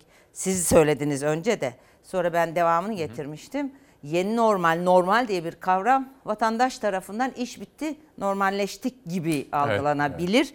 Hatırlayın buna dikkat ha. çekmiştiniz siz. Eylül ayında. Evet. 7 Eylül'de beraber açık Evet. Şimdi dolayısıyla bu Haziran'da başlanan hikaye sonuç itibariyle her şeyin vatandaşın suçlu olduğu bir süreçteyiz şu anda. Yani Sağlık Bakanlığı için burada Covid başladığında gene e, bu şeffaf e, bilim kurulunun kurması, şeffaf e, rakamlar açıklaması sebebiyle övmüştük burada. Ama bugün Sağlık Bakanlığı e, hiçbir rakamına güven olmayacak bir noktada. E, Milli Eğitim Bakanlığı'nın e, gene COVID'e yönelik EBA üzerinden yapılan eğitim çalışmalarına yönelik söylediği hiçbir şeye inanılmıyor. Ve Tarım Bakanı'na zaten hiç kimse inanmıyor. Bu üç ayak üzerinden bakarsak bir yönüyle de kurumların Covid'le birlikte nasıl içinin boşaltıldığı, nasıl e, itibarsız hale geldiğini de görmüş olduk. Çok teşekkür ediyorum. Vatandaş suçlu değil. Efendim sizin partinizin kuruluş yıl döneminde ben de İzmir'deydim. Ben Evet. de bir başka program için. Evet. O gün Koray Aydın'la karşılaştım tesadüf. Eşi de vardı yanında. Orada konuşuyorduk. Dedi ki ayaküstü sohbet ettik bir 5-6 dakika. İsmail dedi bak sen uzun yıllardır bizi de takip ediyorsun. Sayın Genel Başkanı da takip ediyorsun. Böyle bir ivme yakaladı dedi. Sayın Akşener dedi, Genel Başkanımız dedi. Bütün bu saldırılar dedi boşuna değil. İşte Buğra Kavuncu'dan övgüyle bahsetti. Hatta dedi ki bak dedi yeni yeni parlak isimler geldi bize dedi. Profesör Bahadır Erdem'den bahsetti. Ümit Özler'den Heh, bahsetmiştir. ondan bak Evet, iktisatçı ekonomist. dedi. Ha. Evet. De- Dedi müthiş. ki bak bunlar çok parlak isimler dedi. Partimiz yükseliyor dedi. Dolayısıyla bu saldırıların arkasında bir sebep var dedi. Onları size sormak istiyorum biraz. Bugün böyle Tabii. aklıma bir takım sorular. Tabii. Çünkü Ümit Özdağ dün akşam bir televizyondaydı. Bu akşam da bir televizyona Evet. çıkacak. Şimdi önce bir sosyal medyada nasıl şekillendi gündem? Yönetmenimden rica etsem. Tweetler vardı. Şimdi efendim böyle önce burada kısa kısa bir gitmek istiyorum. Bütün bu Evet. tartışmalara gireceğim ama. İyi Parti Genel Başkanı Meral Akşener gerçek gündemde manşet olan sözlerinde bütün anketlerde %14-15 bandına yerleştik diyor. Evet. Öyle midir efendim? Öyle görünüyor. Ki biz özel hiç anket yaptırmadık. Grup üyesiyiz biz 5 şirkete. E, yani herkes gibi e, yıllık bir para ödüyoruz parti olarak. Orada yapılan araştırmaların e, sonuçları itibariyle yani bunlar kamuoyuyla paylaşılıyor. Mesela İstanbul araştırma, yeni bir e, ekonomi araştırma, yeni bir şey Kasım ayını yayınladı. 16.2 e, görünüyoruz biz. Ben ortalamasını e, bu şekilde... Yani %15 civarında bir oyunuz var şu 14-15 anda. şeklinde algıladım. Yani ona göre ama bu saha gezmelerimiz sadece ben gezmiyorum arkadaşlarımız da geziyor. Sahada sadece İyi Parti var biz varız. Genel başkan olarak ben varım. Dolayısıyla bir de şöyle yapıyoruz İsmail Bey Evet. biz. Ben mesela geliyorum siz esnafsınız. Cümleye şöyle başlıyorum. Kardeşim ben e, iktidar yermeye gelmedim. Propaganda yapmaya da gelmedim. Ben siz dinlemeye geldim. Nasıl esnafın e, müşterisi veli nimetse, siyasetin de seçmeni veli nimettir. Derdinizi dinlemeye geldim. İşler nasıl? Ve izin almadan hiçbir e, konuşmayı yayınlamıyoruz. Şimdi bakın memleketiniz Kütahya'ya gitti. Ağlarsınız ya. Bir arkadaşa, esnafa siftah yaptın mı dedim. Bu kulaklıklar, telefon e, Evet, şeyleri, aksesuarlar, söylüyorum. telefonun kendi değil. Tamam. İkinci el. Siftah yaptın mı kardeşim? Yaptım dedi. Bir tane kulaklık satmış. Peki dedim. Ya ilçe ilçe. Yani haftada kaç kere et alıyorsun dedim. Adam Simav, Tavşanlı, Gediz, Evet. Emet. Şimdi adam şöyle yaptı. Gençten bir arkadaş. Her yer öyle. Abla ya dedi. Ne eti, ne haftası dedi. Ne eti dedi. Ya Kütahya'nın hayvancılıkla meşgul olduğunu, önemli oranda meşgul olduğunu bildiğim Kütahya'nın ilçesinde bir esnaf et sorunca bunu söylüyor. Kayseri, Kayseri'de, Develi'de kasaba sordum. Kardeşim e, kasap dükkanlarına çünkü belli yani müşterisi bellidir. Bir kilo kıyma alan ne kadar alıyor şimdi dedim. Cevap ne e, abla dedi 6 ay boyunca şimdi dedi ya kestiği kurbanın ya da gönderilen payların şeyini yiyecekler insanlar. Ondan kurban etini yiyecekler ondan sonra ama dedim diyelim ki hani e, var böyle müşterileriniz yarım kiloya düştü dedi. Durum iyi değil. Evet. Ki efendim e, biliyorsunuz. Bunlar hayvancılıkla gene iyi kötü e, oh, yani hayvanın var olduğu Evet. oralarda kesildiği yerler bunlar. Ki Kütahya biliyorsunuz rahmetli Menderes'ten beri Evet. işte sizin de doğru Evet. yol geleneğinin çok köklü yer aldığı merkez sayın kalelerinden biridir. Dün ben bugünkü buluşmaya hazırlanırken sizin videolarınızı izledim. Nasılsın kızım, nasılsın oğlum diyorsunuz esnaflara. Evet. Ne yapıyorsunuz diye soruyorsunuz. Yani Evet. işte siyasetin yapması Ve gereken... şey değil. Yani ben hakikaten propaganda yapmıyorum. Hatta onu diyorum ki seçim zamanı gelecek arkadaşlarımız yapacaklar. Ki bütün millet ve şeyle e, partilerle birlikte kimine oy vereceksiniz, kimine oy vermeyeceksiniz amenna. Ama bugün özne sizsiniz. Peki. Şimdi Anadolu Ajansı'na geçtim. İyi Parti Genel Başkanı Akşener, milliyetçiyiz, demokratız, kalkınmacıyız. Evet. Ben birazcık bir tanımlar mısınız? Siz kendinizi, partinizi, partinizin ideolojisini nasıl tanımlıyorsunuz? Yani mesela hangi partinin yerine, şimdi böyle çok tartışmalar yapılıyor. Evet, evet, evet. Ben kendi analizimi yapabilirim ama siz kendinizi nasıl görüyorsunuz Biz onu merak şimdi ediyorum. milliyetçi tanımlıyoruz, demokrat tanımlıyoruz ve kalkınmacı tanımlıyoruz. Yani bunu biz 20 sene evvel tanımlasaydık, çünkü yeni değer setleri oluştuğu için dünyada ve Türkiye'de böyle tanımlıyoruz. Ama e, geçen e, diyelim ki 20 yıl evvel kurulmuş olup e, nesiniz siz dedikleri zaman ne diyecektik? Milliyetçi, muhafazakar, demokrat e, bir siyasi e, gelen şey yapıyız. Hı hı. Bir siyasi parti izleyecektik. Ama şimdi ekonomi çok öne geçtiği için dünyada ve Türkiye'de çeşitli nedenlerle dolayısıyla milliyetçi, demokrat ve kalkınmacı mesela büyümeci demiyoruz. Kalkınmacı bir siyasi partiyiz. Peki. E, Şimdi efendim dün Kılıçdaroğlu'nun bir açıklaması var. Evet. Yeni anayasa ve güçlü demokratik parlamenter sis- sistem için söz veriyoruz. Şimdi efendim bir tartışma yaşanıyor şu anda. Evet. Bir işte bunun haberini izleyelim. Tabii. Onu size sormak istiyorum. Bir, böyle bir anayasa çalışması var mı yok mu diye. Sonra kendi fikrimi de ayrıca size aktarıp onu da görüş nasıl yorumlayacaksınız merak ediyorum. Haberimiz hazır mı arkadaşlar? Yeni anayasa iddiaları ve Akşener nasıl yanıtlayacak? Dört partiyle bir araya gelip efendim oturup e, anayasa taslağı hazırlamamız e, asla söz konusu olmadı. Böyle bir şey yok. Biz ne HDP ile ne Cumhuriyet Halk Partisi ile ne Saadet Partisi ile herhangi bir anayasa çalışması yapmadık. Nokta. Kılıçdaroğlu da Akşener'de üstüne basa basa altını çize çize benzer cümlelerle HDP ile yeni anayasa çalışması yaptıkları iddiasını reddetti noktayı koydu. Israrla söylerim bir partinin mutfağında anayasa hazırlanmaz diye. Böyle bir anayasa çalışması yok. Bu kamuoyunda tartışılıyor. Ben de büyük bir hayretle izliyorum. İyi Parti Genel Başkanı olarak söylüyorum.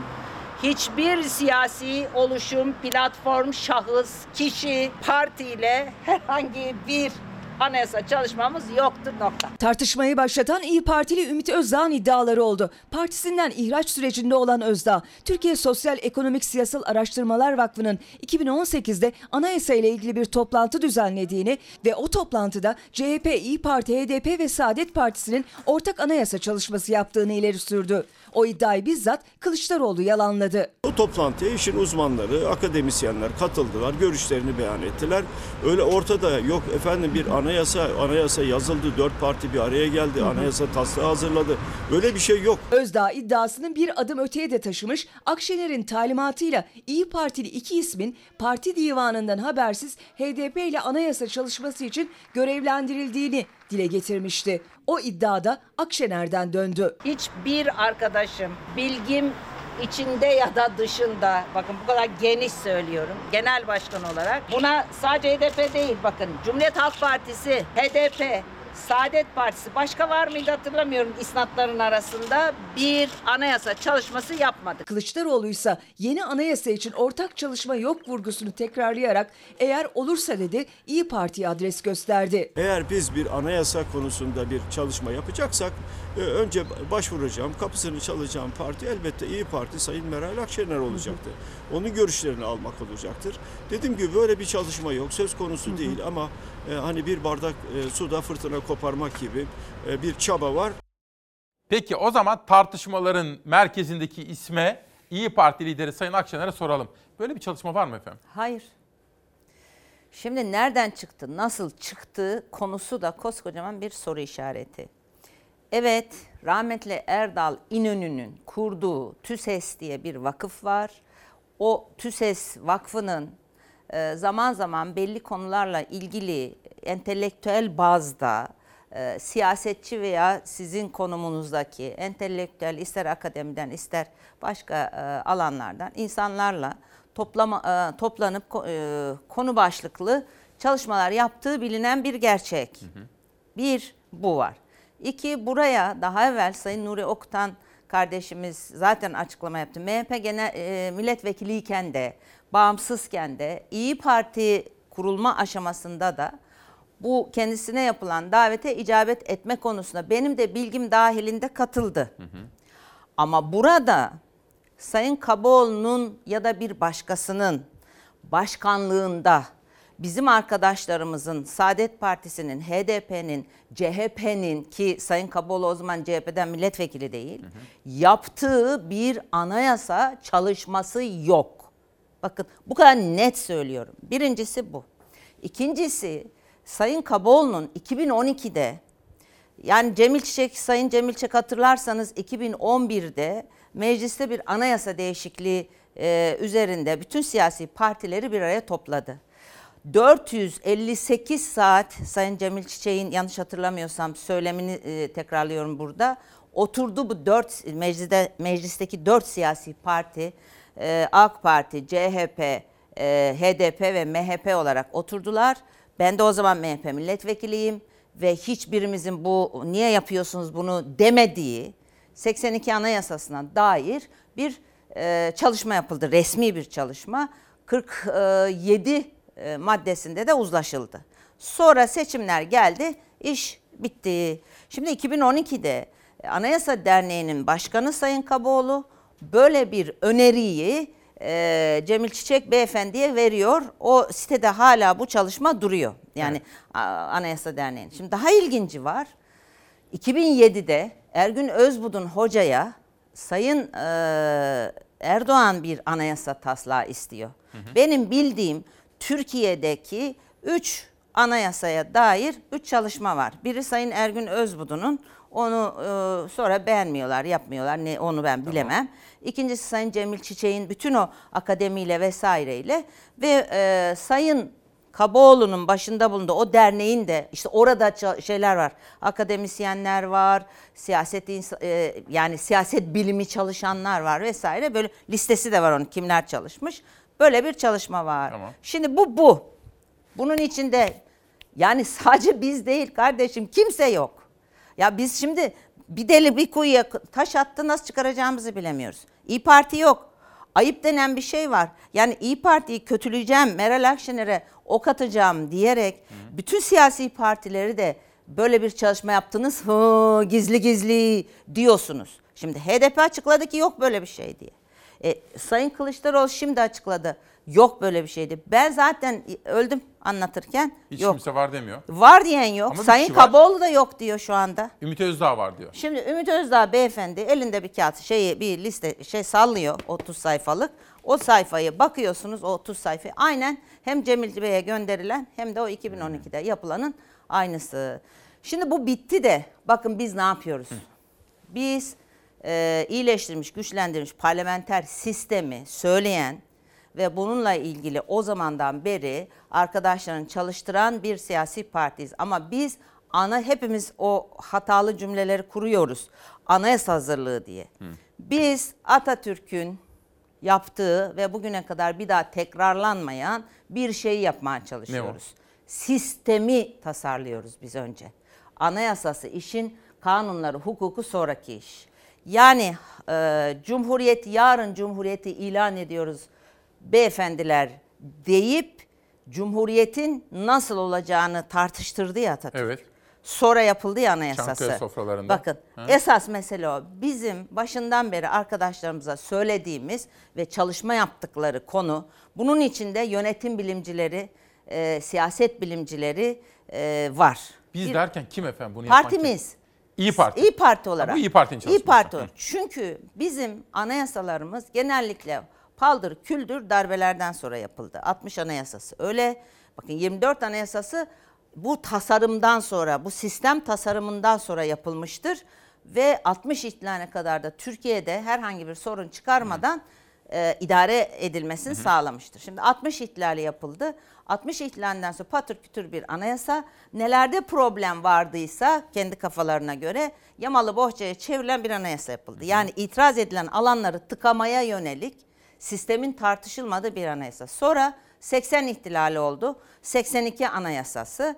İşte o dönem yaşamış bir insan olarak söylüyorum ben. Gene haldır huldur bir anayasa yapıldı ve gene eksik gedik üzerine itiraz edilen alanlar üzerine o zaman da siyaset siyaset dışına bütün STK'ları, gençliği vesaireyi sendikaları çıkartma anlamını o mantıkla, o zihniyetle yapılan bir anayasaydı Şimdi bu. Şimdi siz İyi Parti olarak bir anayasa çalışması yaptırıyorsunuz Şu anda kendiniz. bakın anayasa yapmıyoruz biz.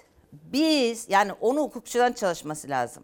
Biz şu anda e, iyileştirilmiş, güçlendirilmiş parlamenter sistemi nasıl olacağını tasarlamak çalışması yapıyoruz. Bunda Sistemi CHP, tasarlıyoruz. CHP, kimse yok. HDP başka kimse yok. Kimse Ha. yok. Yok partimiz içinde bu. Farklı farklı alanlardan yardım alarak şimdi bunu tartıştırıyoruz ve bir net e, hale yola girecek. O, yani sonuna doğru geldi arkadaşlarımız. Daha bize de önce bir ön sunum yapılmıştı. Şimdi devamı geliyor. Ondan sonraki fasılda gideceğiz siyasi partilerden evvel. E, Mesela sizlerle paylaşacağız. Medyayla, tabii, tabii, kamuoyuyla. akademiyle paylaşacağız. STK'larla paylaşacağız. Ondan sonraki mesele anayasadır adı. Yani yeni sıfırdan bir anayasa yapılabilir şartlar yok şu anda Türkiye'de. Belki bu tasarım e, üzerinden e, yani nasıl şimdi vatan e, insanlarımız anlayacağı şekilde söylüyorum. Evet. Biz bir hani otomobil yapılır ya. Önce onun tasarımı yapılır. Mekaniği, donanımı yapılır. Ondan sonra e, trafiğe çıktığı zaman ne yapacağıyla ilgili de bir yazılım konur. Yani biz işin mekaniğini, tasarımını, şeklini, şemalini bu iyileştirilmiş, güçlendirilmiş parlamenter sistemi tasarlıyoruz. Elbette itirazlar, öneriler yapılacak. O ün- şeyin, e, otomobilin yazılımı ise anayasası. Bir şey Hukuku soracağım. kanunu. Şimdi hiçbir siyasi oluşum, Evet. platform, şahıs, partiyle herhangi bir anayasa çalışmamız yoktur. Yani bu çalışmaları sizin paylaştığınız Henüz yok. henüz yok. Ha, Ama olacak sonunda. Tabii ki hay, pay- gizli Bütün değil. Türkiye ile, ha. Hayır gizli değil. Biz önce tasarımını yapıyoruz. Yani bir sistem diyoruz ya biz ilk defa sistemi tartışıyoruz. Mesela şimdi iyileştirilmiş, güçlenmiş parlamenter sistem dedik. Şimdi geçmişin parlamenter sisteminde, parlamenter demokrasisinde vesayet diye bir kavram vardı. Ee, kurumların vesayeti diye bir Önce kavram vardı. askeri vesayet vardı, Ya yargı ona vesayeti, bakın, sonra yani siyasi askeri vesayet. bıraktık bir kenara da ge- geri e, yani Şimdi kurumların başka başka vesayetleri vesayetler vardı. var. Şimdi sonra bugün bizi yöneten arkadaşlar bu vesayetlere karşı çıka çıka geldiler. Fakat ip, e, ipin ucu kaçtı, kantarın topuzu kaçtı. Şimdi de kurumların, Merkez Bankası'nın, yargının, hukukun ve e, her türlü resmi kurumun yani ki demokrasisel bir kurumlar e, ve kurallar e, yönetimleridir. Hepsinin itibarı ortadan kalktı. Şimdi içi boşaltıldı. Daran, Daron Acemoğlu ile Timur Kur'an'ın yaptığı çalışmada ne diyor? Diyor ki kurumların kapsayıcı olması lazım, öteleyici değil. Yöneti, kurumları yöneten siyasetin de kapsayıcı olması lazım. Ee, insanları itekleyici veya grupları itekleyici değil. Şimdi e, kurumların işini boşaltırsanız, onları itibarsız hale getirirseniz Merkez Bankası Başkanı'nı önce dediğinizi yapmadığı için alırsınız, şimdi her dediğinizi yaptığı için alırsınız. Yani bakın ekonomiden başlarsak, hukuk açısından başlarsak işe öyle ilginç ki ben e, Abdülhamit Gülbey'in konuşmasını çok dikkatli ve ilgiyle izledim. Hukuka yönelik, Evet. adalete yönelik e, konuşmalarını inşallah hayata geçebilir. Ama bu arada Sayın İmamoğlu'na yönelik e, bir e, soruşturma açılmış. Niye biliyor musunuz? Ne o efendim? Aa, Kanal İstanbul'a karşı çıktığı için Sayın İmamoğlu devlet projesine e, karşı çıktığından devlete karşı durmak ve bölücülükle suçlanıyor. Hayda. Ekonomik bir proje bu. İktidara göre çılgın proje, bize göre yani korkunç proje. Şimdi bu denildiği için olmuş devlet projesi. Bunu bundan emin misiniz efendim? Evet şeyde var bende soruşturma açıldığına dair e, var gönderdi bana Sayın İmamoğlu. Öyle mi? Evet. Şimdi bak doğru mu anlıyorum? Evet.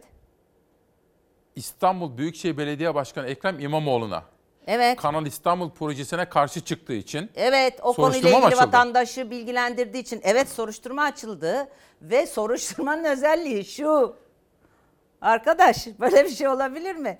Devletin projesine, devletin, devletin, şahsımın oluyor. İşte geliyoruz e, diyor ki bölücülük bu. Karşı Efendim çıkmak olur mu? bölücülük. Adam İstanbul Büyükşehir Belediye Başkanı. Proje Evet. İstanbul projesi. Fikrini Evet, söylemeyecek mi? Ama bak işte söyleyemez. Şimdi ne demek istiyorum? Bütün bunlar nedir?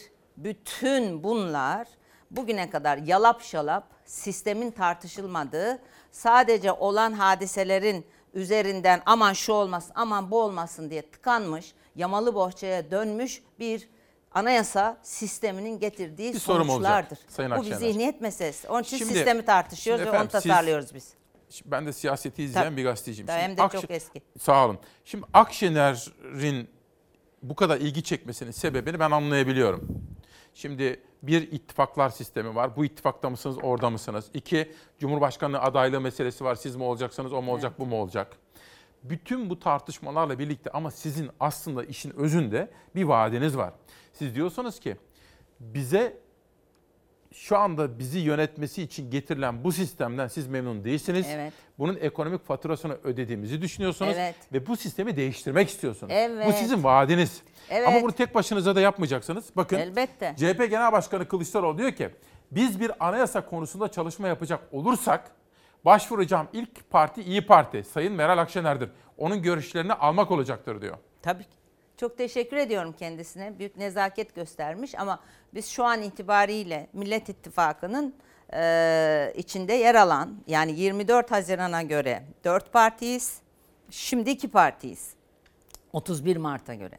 Dolayısıyla ya, Deva ve Gelecek Partileri de kuruldu. Bu arkadaşlarımız da parlamenter sisteme yönelik e, bir tavrın içerisinde. Dolayısıyla biz bu sistem tasarımını tamamladıktan sonra anayasaya hep beraber yapılacak zaten. Orada sorunumuz yok. Hukukçular devreye girecek. Ama bugüne kadar hiçbir sistem tasarımı konusunda ta Cumhuriyeti ilan ediyoruz beyler dediğinden beri bir sistem tartışması ve tasarımı bu ülkede yapılmadı. Bunu ilk defa biz yapıyoruz. Elbette Sayın Kılıçdaroğlu'yla, diğer siyasi partilerle, e, özellikle akademiyle, medyayla, işte e, Anayasa Derneği diye bir dernek varmış. Biz de bu tartışma esnasında öğrendik. Ben hukukçu değilim. Sonuç itibariyle bu tür bütün gruplarla bu tasarımımızı paylaşacağız biz. Kamuoyuna açık. Ondan sonra anayasa çalışması zaten e, hukukçular üzerinden, anayasa hukukçuları üzerinden e, yol gidecek. O başka bir şey. Ama anayasa tümden sıfırdan mı yapılacak? Mesela o sorunun cevabı yok şu anda Türkiye'de. Yoksa şartlar şu an ona uygun değil. Bir tarihçi olarak söylüyorum. Cumhuriyet tarihini iyi bilen bir insan olarak söylüyorum. Şu anda mümkün görünmüyor. Ama e, aynı 2017 referandum, referandumunda bazı maddeler referanduma sunuldu ve değiştirildi. Yani partili cumhurbaşkanlığı sistemine gitmek için. Partili cumhurbaşkanlığı sistemi ise Türkiye'yi uçurumun kenarına getirdi. Tayyip Bey'e de yazık. Ben mesela bu tasarımı arkadaşlarımızın ortaya koydu bu tasarımı Sayın Erdoğan'la da paylaşmayı çok isterim. Çünkü Tabii yapmanız lazım. Hay itirazım yok. Paylaşacağız da. Yani okuyup okumayacağını bilmiyorum İsmail Bey. Efendim Yani gidip birebir bakın onu. hepsine gidip anlatmanız lazım Orada bir ki. sor- yani orada bir problem yok elbette ki. Şimdi söylemeye çalıştığım Ha, peki şey, bir şey şu. diyeceğim. Bir dakika. Peki Sayın Erdoğan size dese ki, ya Meral Hanım sağ olun var olun. Sizi sevip saydığını biliyorum öteden beri. Dese ki gel o zaman. Hani Sayın Devlet Bahçeli de sizi çağırdı. Gel o zaman bu Cumhur İttifakı'na katıl. Sistemi değiştirelim dese. Yok.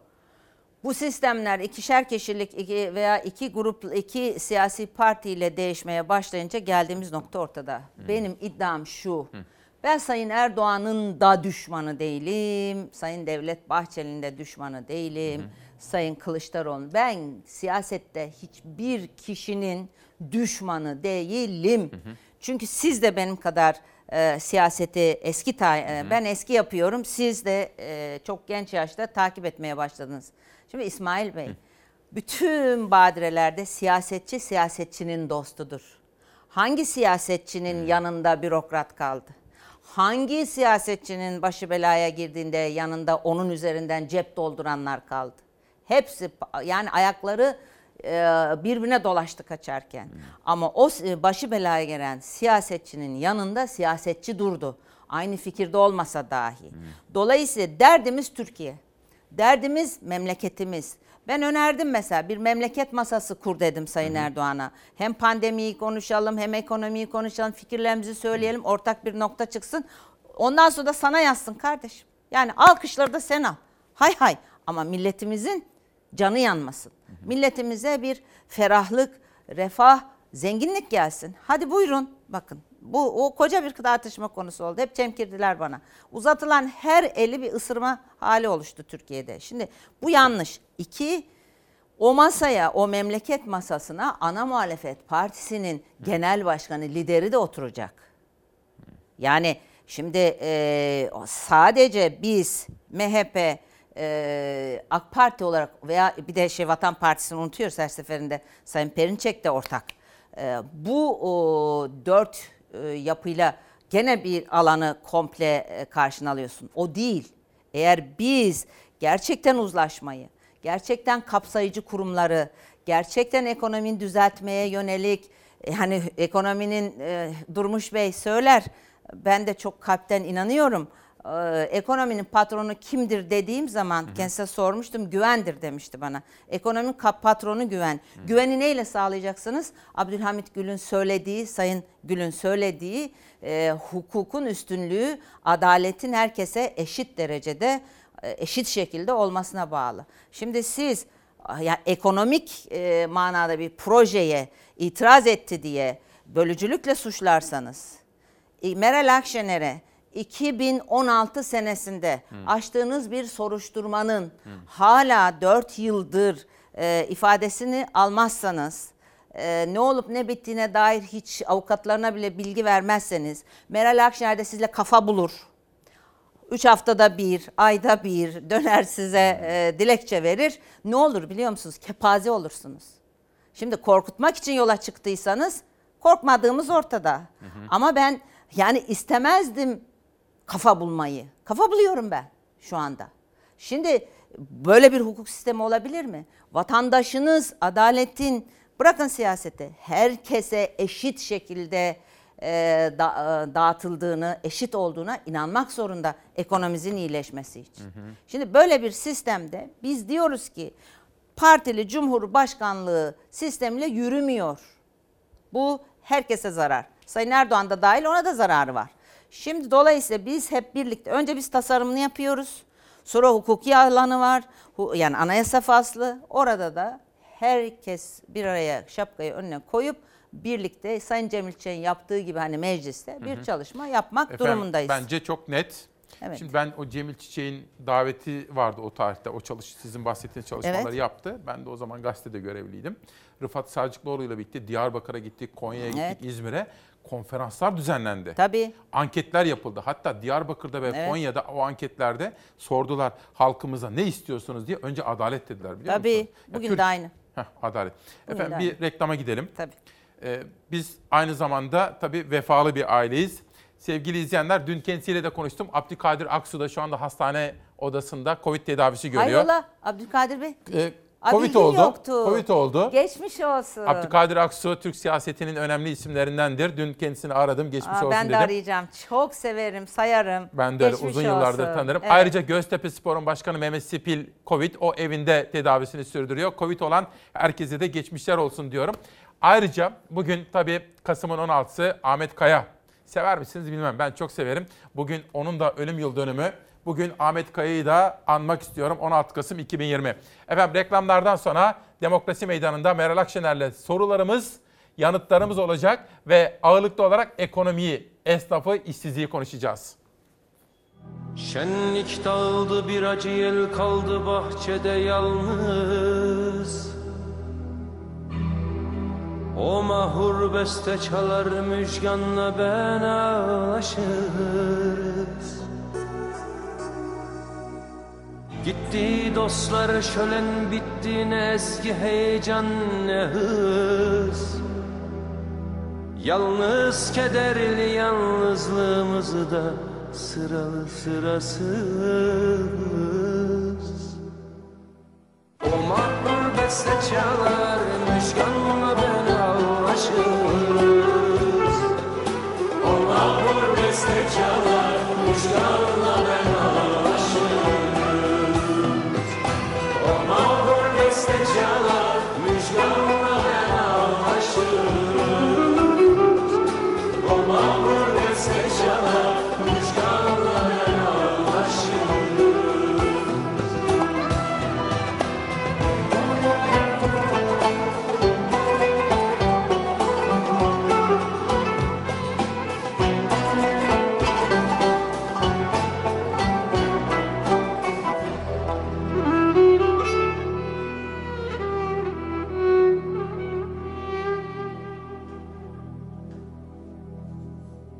yangın ormanından püskürmüş genç fidanlardı.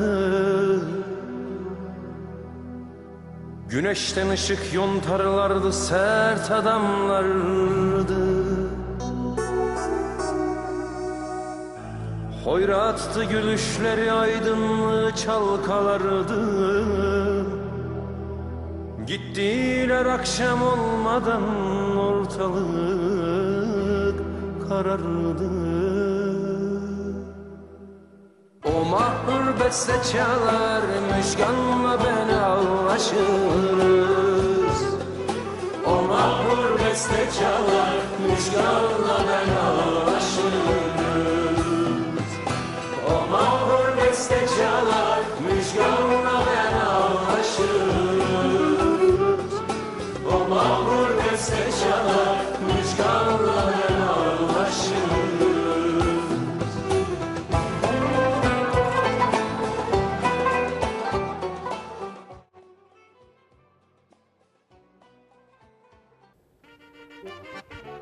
Günaydın Türkiye'm.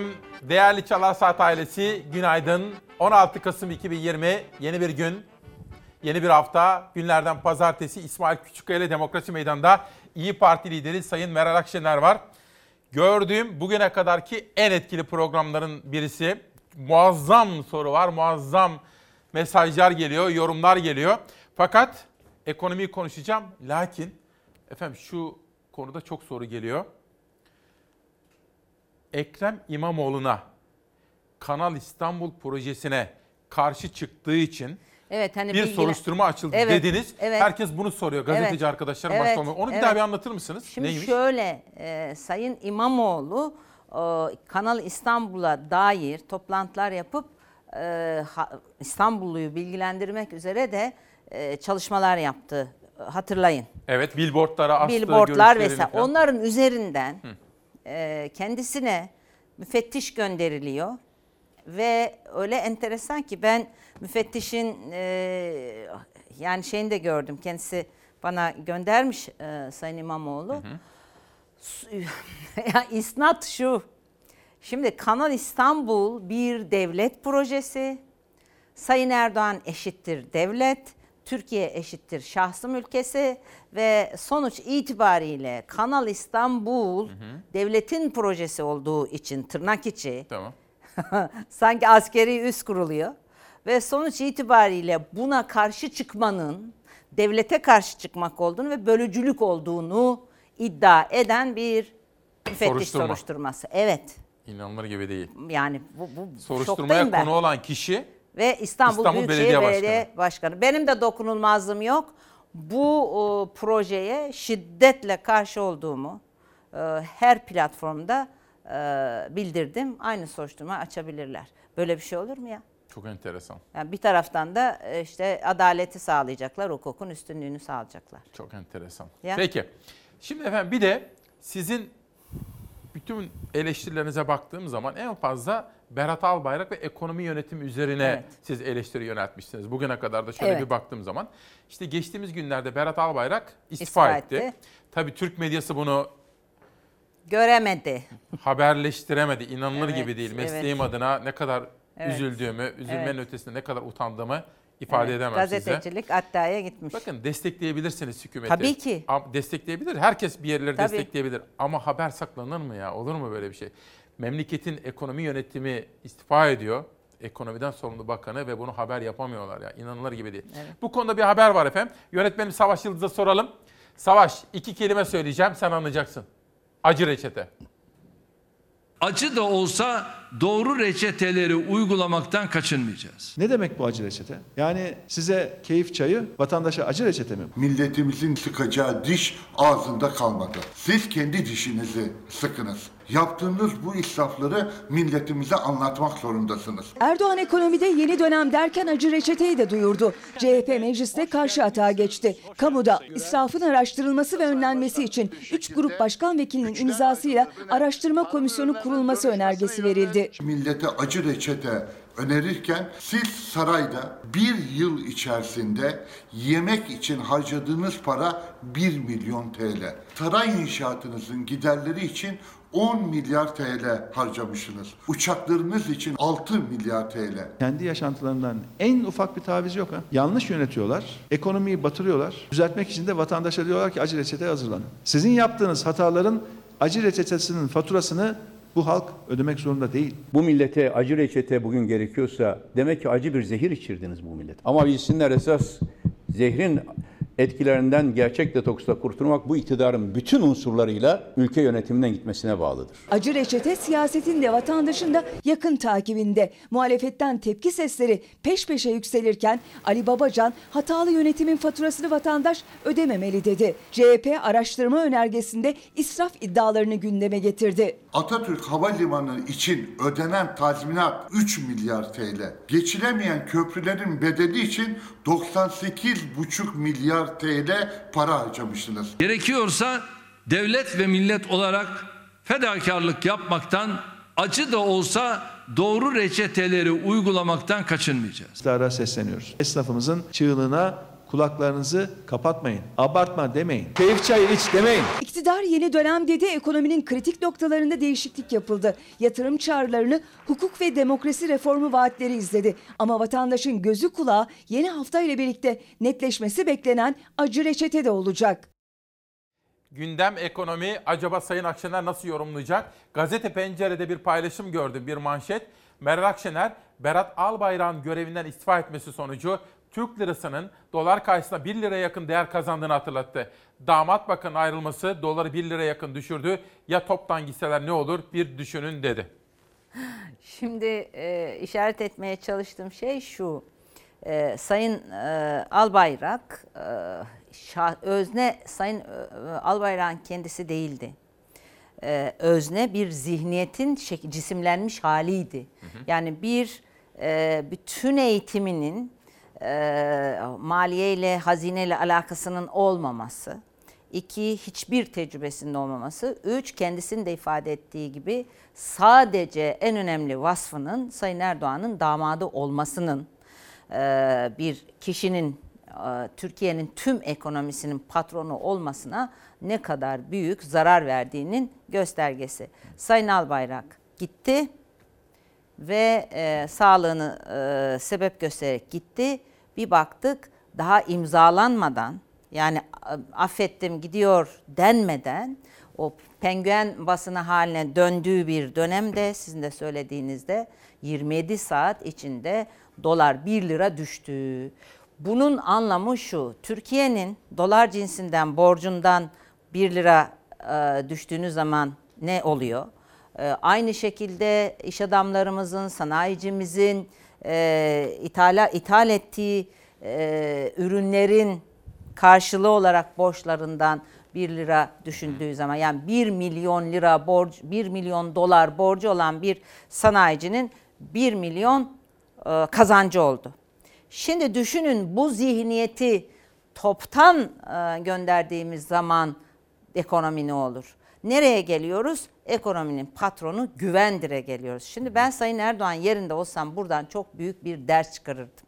Zihniyetimi değiştirmek için bir ders çıkarırdım. Ne yapsın efendim mesela? Ne, Şimdi nasıl bir, bir o zamanlar demiştik damadı e, paket açıklattıracağın e, açıklattırmak yerine damadı paketle demiştim ben. İki buçuk sene sonra nihayet anlaşıldı. İki, şimdi bir demokrasi tam ve kamil işletmesi lazım. Hukukun üstünlüğünü tam anlamıyla gerçekleştirilmesi lazım. Adaletin hiç eksiksiz e, uygulanması lazım. Kurumlarımızın içi boşaldı, onların yeniden saygınlığını, itibarını ortaya konması lazım, yeniden iade edilmesi lazım. Liyakatin, şeffaflığın, e, hesap verilebilirliğin e, öne çıkması lazım ki yatırımcı gelsin. Katma değer üreten sektörlere yatırım yapılması lazım. E, yerli veya yabancı e, yatırımcının bu ülkede yatırım yapabilmesi için güvene ihtiyacı var. Kuralların yarı yolda değişmemesine e, Bunlar ihtiyacı var. düzelir mi? Elbette düzelir. Bakın bir kişi gitti. Ben dolara bakmıyorum. Sen dolarla mı maaş alıyorsun diyen bir ekonomi bakanını düşün. Adam dolarla maaş alsa çok sevinir. Yani doların artmasından dolarla maaş alan şahıs çok sevinir. Ama siz dolarla maaş mı alıyorsunuz diye soran bir e, Hazine ve Maliye Bakanı gitti 1 lira gitti. 1 lira dolar düştü. Bunları da yaparsa düşer. Şimdi neler olur? Dolayısıyla ama bu bir zihniyet meselesi. Bunun birinci şartı bu e, partili cumhurbaşkanlığı meselesini derhal behemehal değiştirmekten geçiyor. İyileştirilmiş, güçlenmiş parlamenter sisteme hep birlikte e, geçmemizden geçiyor. Tabii tabii Hı. işbirliği. Yani ana muhalefet sistemi değiştirelim diyorsunuz. ve e, iktidar partisi başta olmak üzere oturup masaya e, bu sistemi değiştirmemiz gerekiyor Ekonomiyle devam etmek istiyorum. kapsayıcı olmak zorundayız. Yani e, sen bendensin o karşıdan diye bir cümleyle bu bir soruyla ekonomi yönetilemez. Bugün Murat Yetkin'in Yetkin Report'ta yazıları var efendim. Bu Ben gelişme de okuyorum onu. bu Murat Yetkin dikkate takip eder bir Ankara gazetecisi. Diyor ki bu değişiklikten sonra ekonomi yönetimindeki bu değişiklikten sonra bürokraside ve medyada da hükümete yakın medyada da gergin bir bekleyiş var. Kim gider kim kalır diye belki de yansımalar olacak. Evet, olması lazım. Ama her şeyden önce tekrar söylüyorum şahıslardan ziyade bu bir zihniyet meselesi. Bu zihniyetin değişmesi lazım. Tercihlerdeki yani bakın şöyle bir durum var. OECD ülkelerinin bizim gibi ülkeler için yaptığı bir tanım var. Bir, problemlerini doğru tespit edemezler diyor. O doğru tespit edemedikleri için doğru çözüm önerisinde bulunamazlar diyor. Üç, doğru çözüm önerisinde bulunamadıkları için kaynaklarını doğru e, kullanamazlar diyor ve sonuç itibariyle de e, durdukları yerde dururlar diyor. Biz problemimizi doğru tespit edeceğiz, çaresini doğru bulacağız, kaynaklarımızı da doğru kullanacağız. Bu kadar basit. Peki. Şimdi efendim hepimiz bu ülkeyi çok seviyoruz ya. Evet. Çocuklarımız bu ülkede Ya. iyi yaşasınlar, iş bulsunlar diye. Bu konuda Ya. bir soru soracağım. Gerçek gündemde gördüm. Genç işsizliklerin oranı AKP döneminde rekor kırdı Evet, dedi. aynen Bakın öyle. dörtte bire, yüzde 25'e Evet. kadar yükseldi. Evet. Geçelim Savaş. Bak. Bir sonraki paylaşım gelsin. Şimdi efendim bakın pandemi beyin göçünü durduramadı. İyi Evet. eğitimli 100 gençten 59 yurt dışına gidiyor. 100 gençten 73'ü yurt dışına gitmek istiyor. Gidenlerin %78'i geri, dönmek, istemiyor. Şimdi Japonya ve Çin yurt dışında gençlerini okuttular. Yani ekonomilerini kalkındırmak amaçlıydı. Dünyadaki gelişmeleri yerinde takip etmek amaçlıydı ve bu gençlerin tümü 1800'lü yıllardan itibaren Japonya, e, 1900'lü yılların e, yani Mao'dan sonra bile e, Çin bunu yaptı ama onların giden gençlerinin tümü geri döndü ve e, ülkelerine kalkındırmak, e, ülkelerini kalkındırmak açısından gördüklerini, bildiklerini e, o e, katma değer olarak ekonomilerine koydular. Şimdi bizim de ilk Cumhuriyet kurulduğu zaman e, yurt dışına gönderip okuttuğumuz gençler var. Hepsi geri döndüler. Yani müzik alanında var, sanatta var, resimde var, heykelde var ama mühendislik alanında da var. Tarımda var. Ee, mesela iki e, Can e, ve İnan Kıraç beylerin babasını bizzatihi Atatürk'ün o çıkarttığı kanunla e, onun gibi pek çok insanı, iki arkadaşını e, Amerika'da tarım, kuru tarım e, öğrenmeleri için gönderildi. Şimdi ama hepsi geri döndüler ve bu ülkeye bir şey e, katmak için geri döndüler. Bugünün Türkiye'sinde yani Sayın Erdoğan'ın Türkiye'sinde, e, şahsım ülkesinde maalesef e, gençlerin işte burada yüzde 78'i gittiği takdirde geri dönmek istemiyor. Bu en büyük ayıptır. Bu gençlerin umudu yok.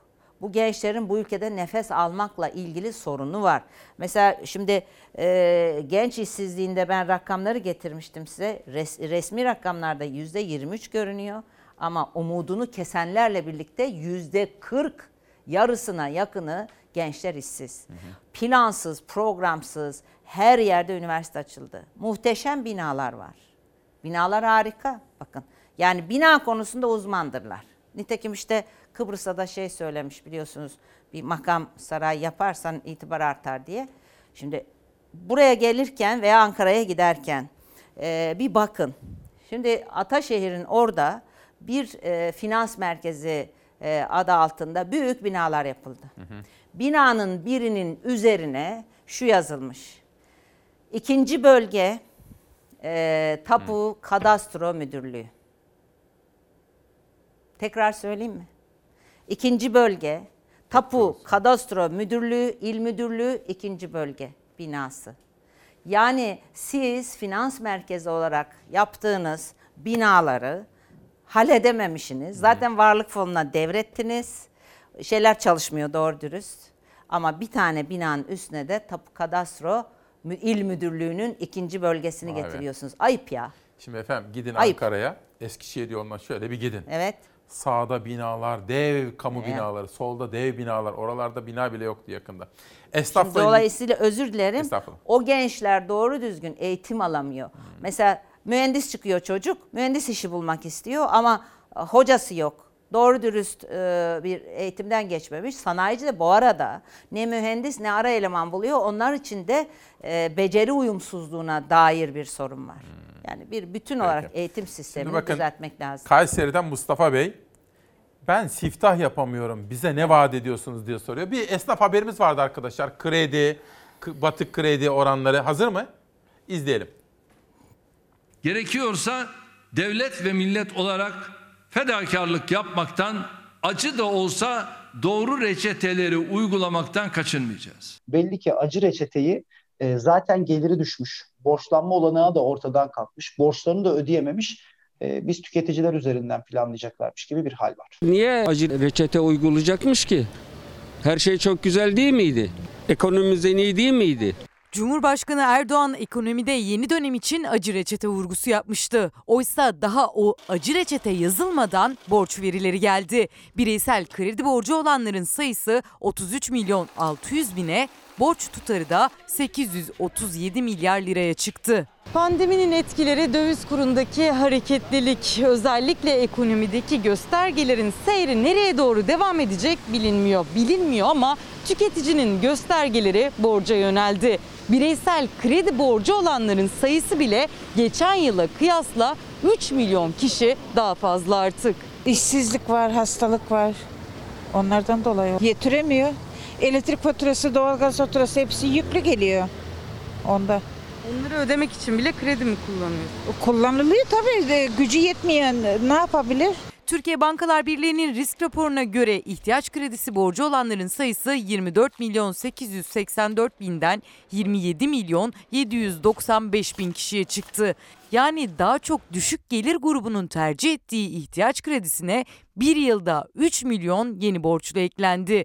Üstelik 837 milyarlık borcun 151 milyarlık kısmı ise takipteki kredilerden oluşuyor. Bu rakam e, is- istihdam artmadığı sürece, işsizlik azalmadığı sürece, yeni iş yaratılmadığı sürece, insanlar gelirlerine yeniden kavuşmadığı sürece de belli ki daha da artacak. Ne borcunuz var? Kredi kartı borcu. Ne, ne kadar peki ödeyebiliyor musunuz? Yo ödeyemiyorum şu anda yani hepsi hacizliktir. Tabii kredim var, kredi kartı borcum var. Ondan sonra elde insanlarda aldığım borçlar var.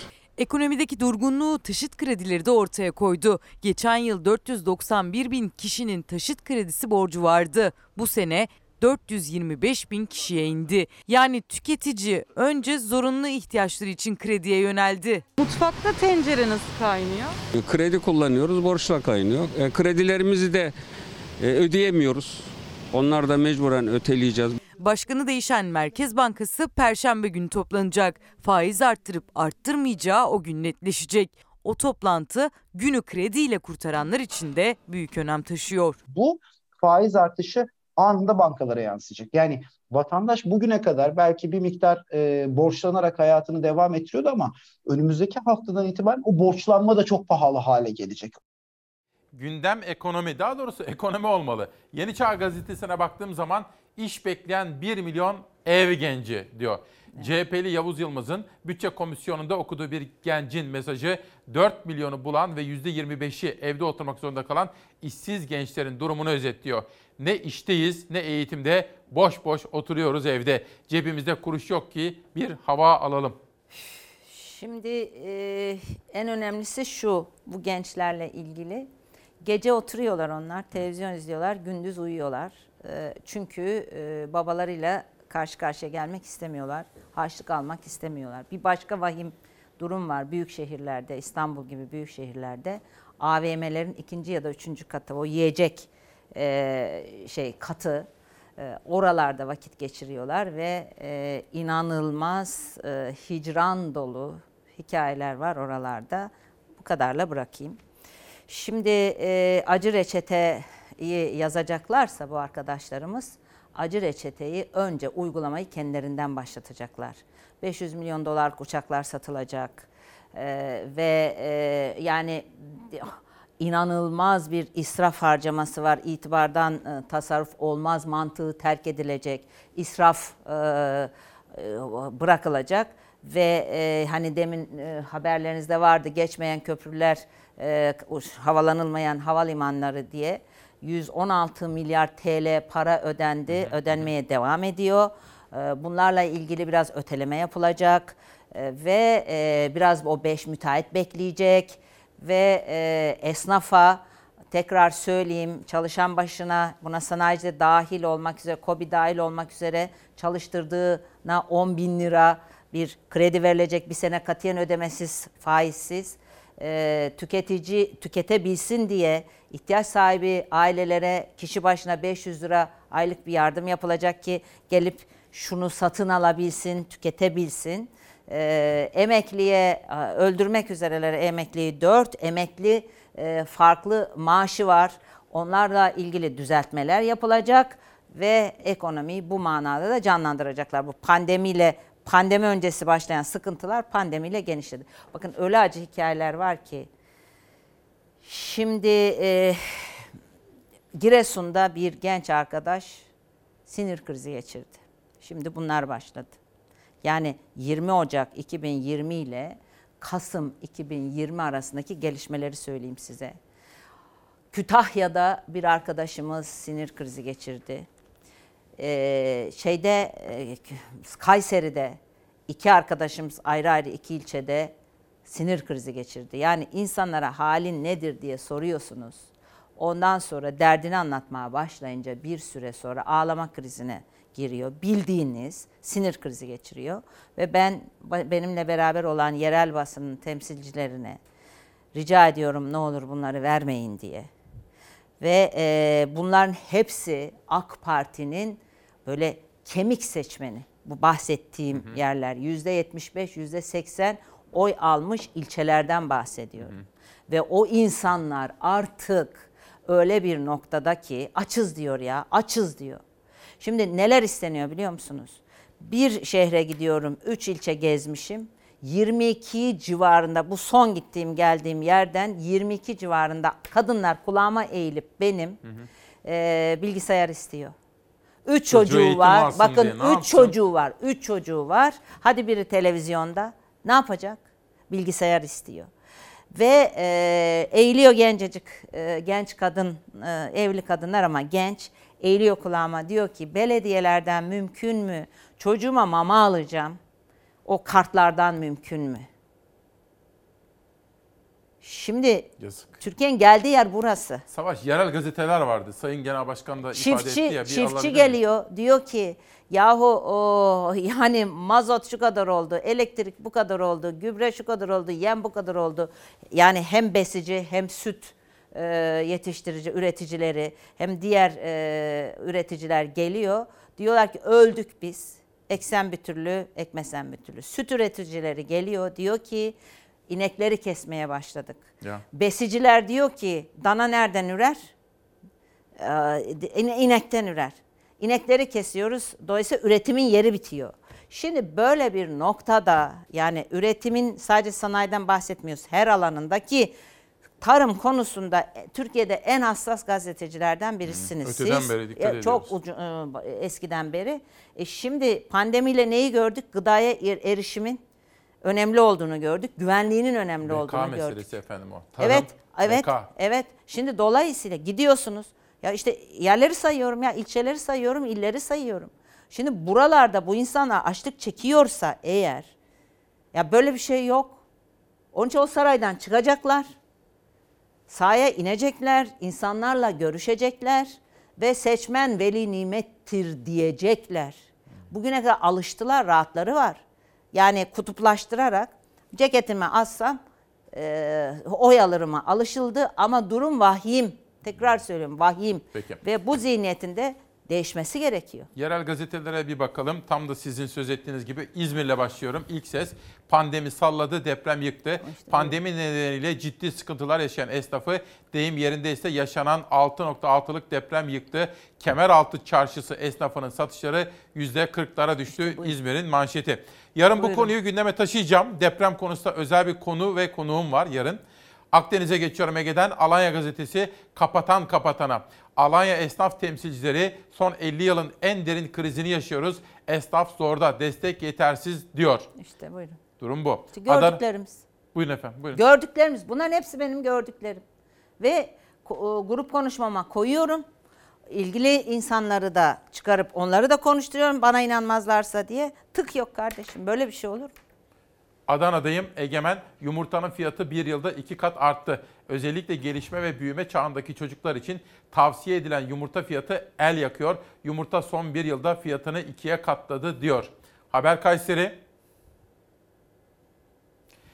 Koramaz Vadisi'ne halk sahip çıktı. Melik Gazi ilçesine bağlı Subaşı, Küçük Bürüngüz ve Büyük Bürüngüz mahalleleri sakinleri UNESCO Dünya Mirası geçici listesine alınan Koramaz Vadisi'nde yapılmak istenen taş ocağı için hukuki süreci başlattılar. Bu arada efendim siz Kirazlı Yayla'ya da gittiniz.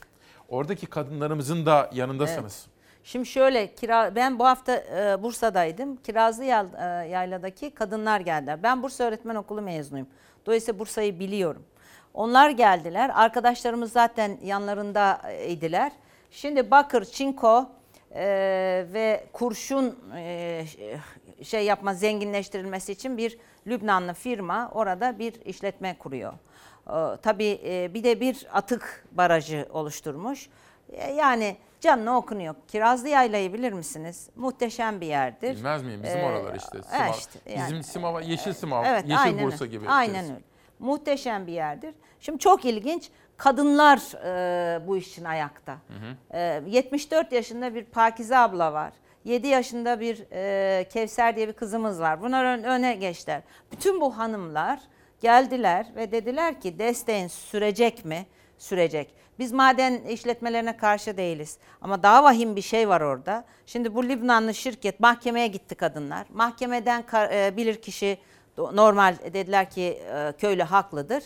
Ama Lübnan'ın e, o Lübnanlı şirketin yöneticileri devletimizin görevlilerini tırnak içi devletimizin görevlilerini ziyaret ettiler ve bilirkişinin raporu hakimlerin verdiği karar şu anda uygulanmıyor. İşte bunlara dikkat çekmek için Hukuk dolaşıyoruz. deyince bu işte aslında. İşte aynen öyle. Herkese lazım. Adalet yeni bulsun, isterse kıyamet kopsun diyor Adalet Bakanı. Aynen Katılıyorum. öyle. İşte ne zaman yani kıyamet kopmaz, adalet yeter ki yerini bulsun. Alkışlanırlar. Öyle bir şey olur mu? Peki yerel gazetelerde iki manşetim kalmıştı. Bu arada efendim Saygı Öztürk abimiz de Ay. abisini kaybetti. Ya, evet. Şimdi ben sizin ilanınızı da gördüm. Ben de Bilecik'e gitmiştim muhabirken o, ta- o tarihlerde. Refik Arslan Öztürk Allah rahmet eylesin. Çok özel bir insandı. Cumhuriyet valisiydi, Bakın, devletin çok özel valisiydi. bir- Şeyle bize ben bakan olduğum zaman bu böyle valiler anlatırla anlatmışlardı. Rahmetli e, Recep Yazıcıoğlu valiydi o zaman. E, Refik Bey için de bunlar tutumlu valilerdi. Yani devletin parasını cimrilik derecesinde ama tutumlu olarak vatandaşa harcayan Ya. devlet adamlarıydı, Ben devlet insanlarıydı. Cumhuriyet valileri Evet, diyorum. Cumhuriyet valileri. Halkın valisi, devletin Hakikaten va- çok Bak, üzüldüm. Gazeteci yazar Saygı Öztürk'ün ağabeyi dualarla toprağa verildi. O bir devlet adamıydı. Gerçekten de Aynen öyle. öyle. Ben de aradım dün Saygı abiyi başsağlığı ve ben de sabır dileklerinde de bulundum. Efendim şimdi son cümlelerinizi almak istiyorum.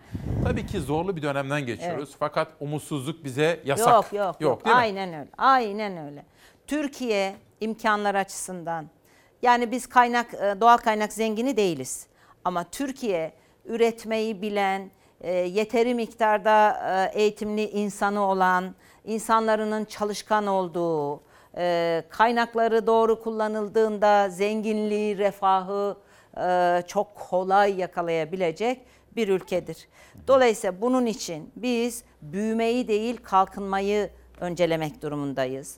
Ee, tercihlerimizi betonu reddetmiyoruz ama sadece beton ve servis sektörü değil yani dörde bölüp e, teknolojiyi, e, sanayiyi ve e, tarımı ve tabii ki betonu artı inşaatı artı e, servis e, sektöründe bir arada tutup e, üretmeliyiz, katma değer üretmeliyiz. Gençlerimizi e, yani torpillinin değil çalışanın kazandığı bir duruma gençlerimizi o umuda getirmeliyiz. Sayın Meral Mümkündür. Akşener İyi Parti lideri Demokrasi Meydanı'na katıldınız. Çok teşekkür ediyorum. Ben teşekkür ediyorum. Geçen hafta tabii 10 Kasım'da atamızı, devletimizin kurucusunu da saygıyla, özlemle andık. Onu da bu vesileyle bir kere daha anmak istiyorum. Bugünü de kapatırken önce kitaplar diyorum. Doktor Bahar Tezcan yazmış.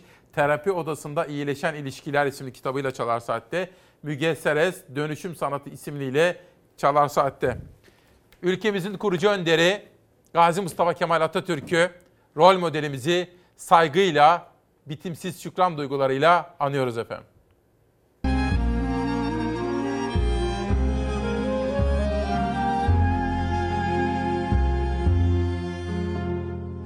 O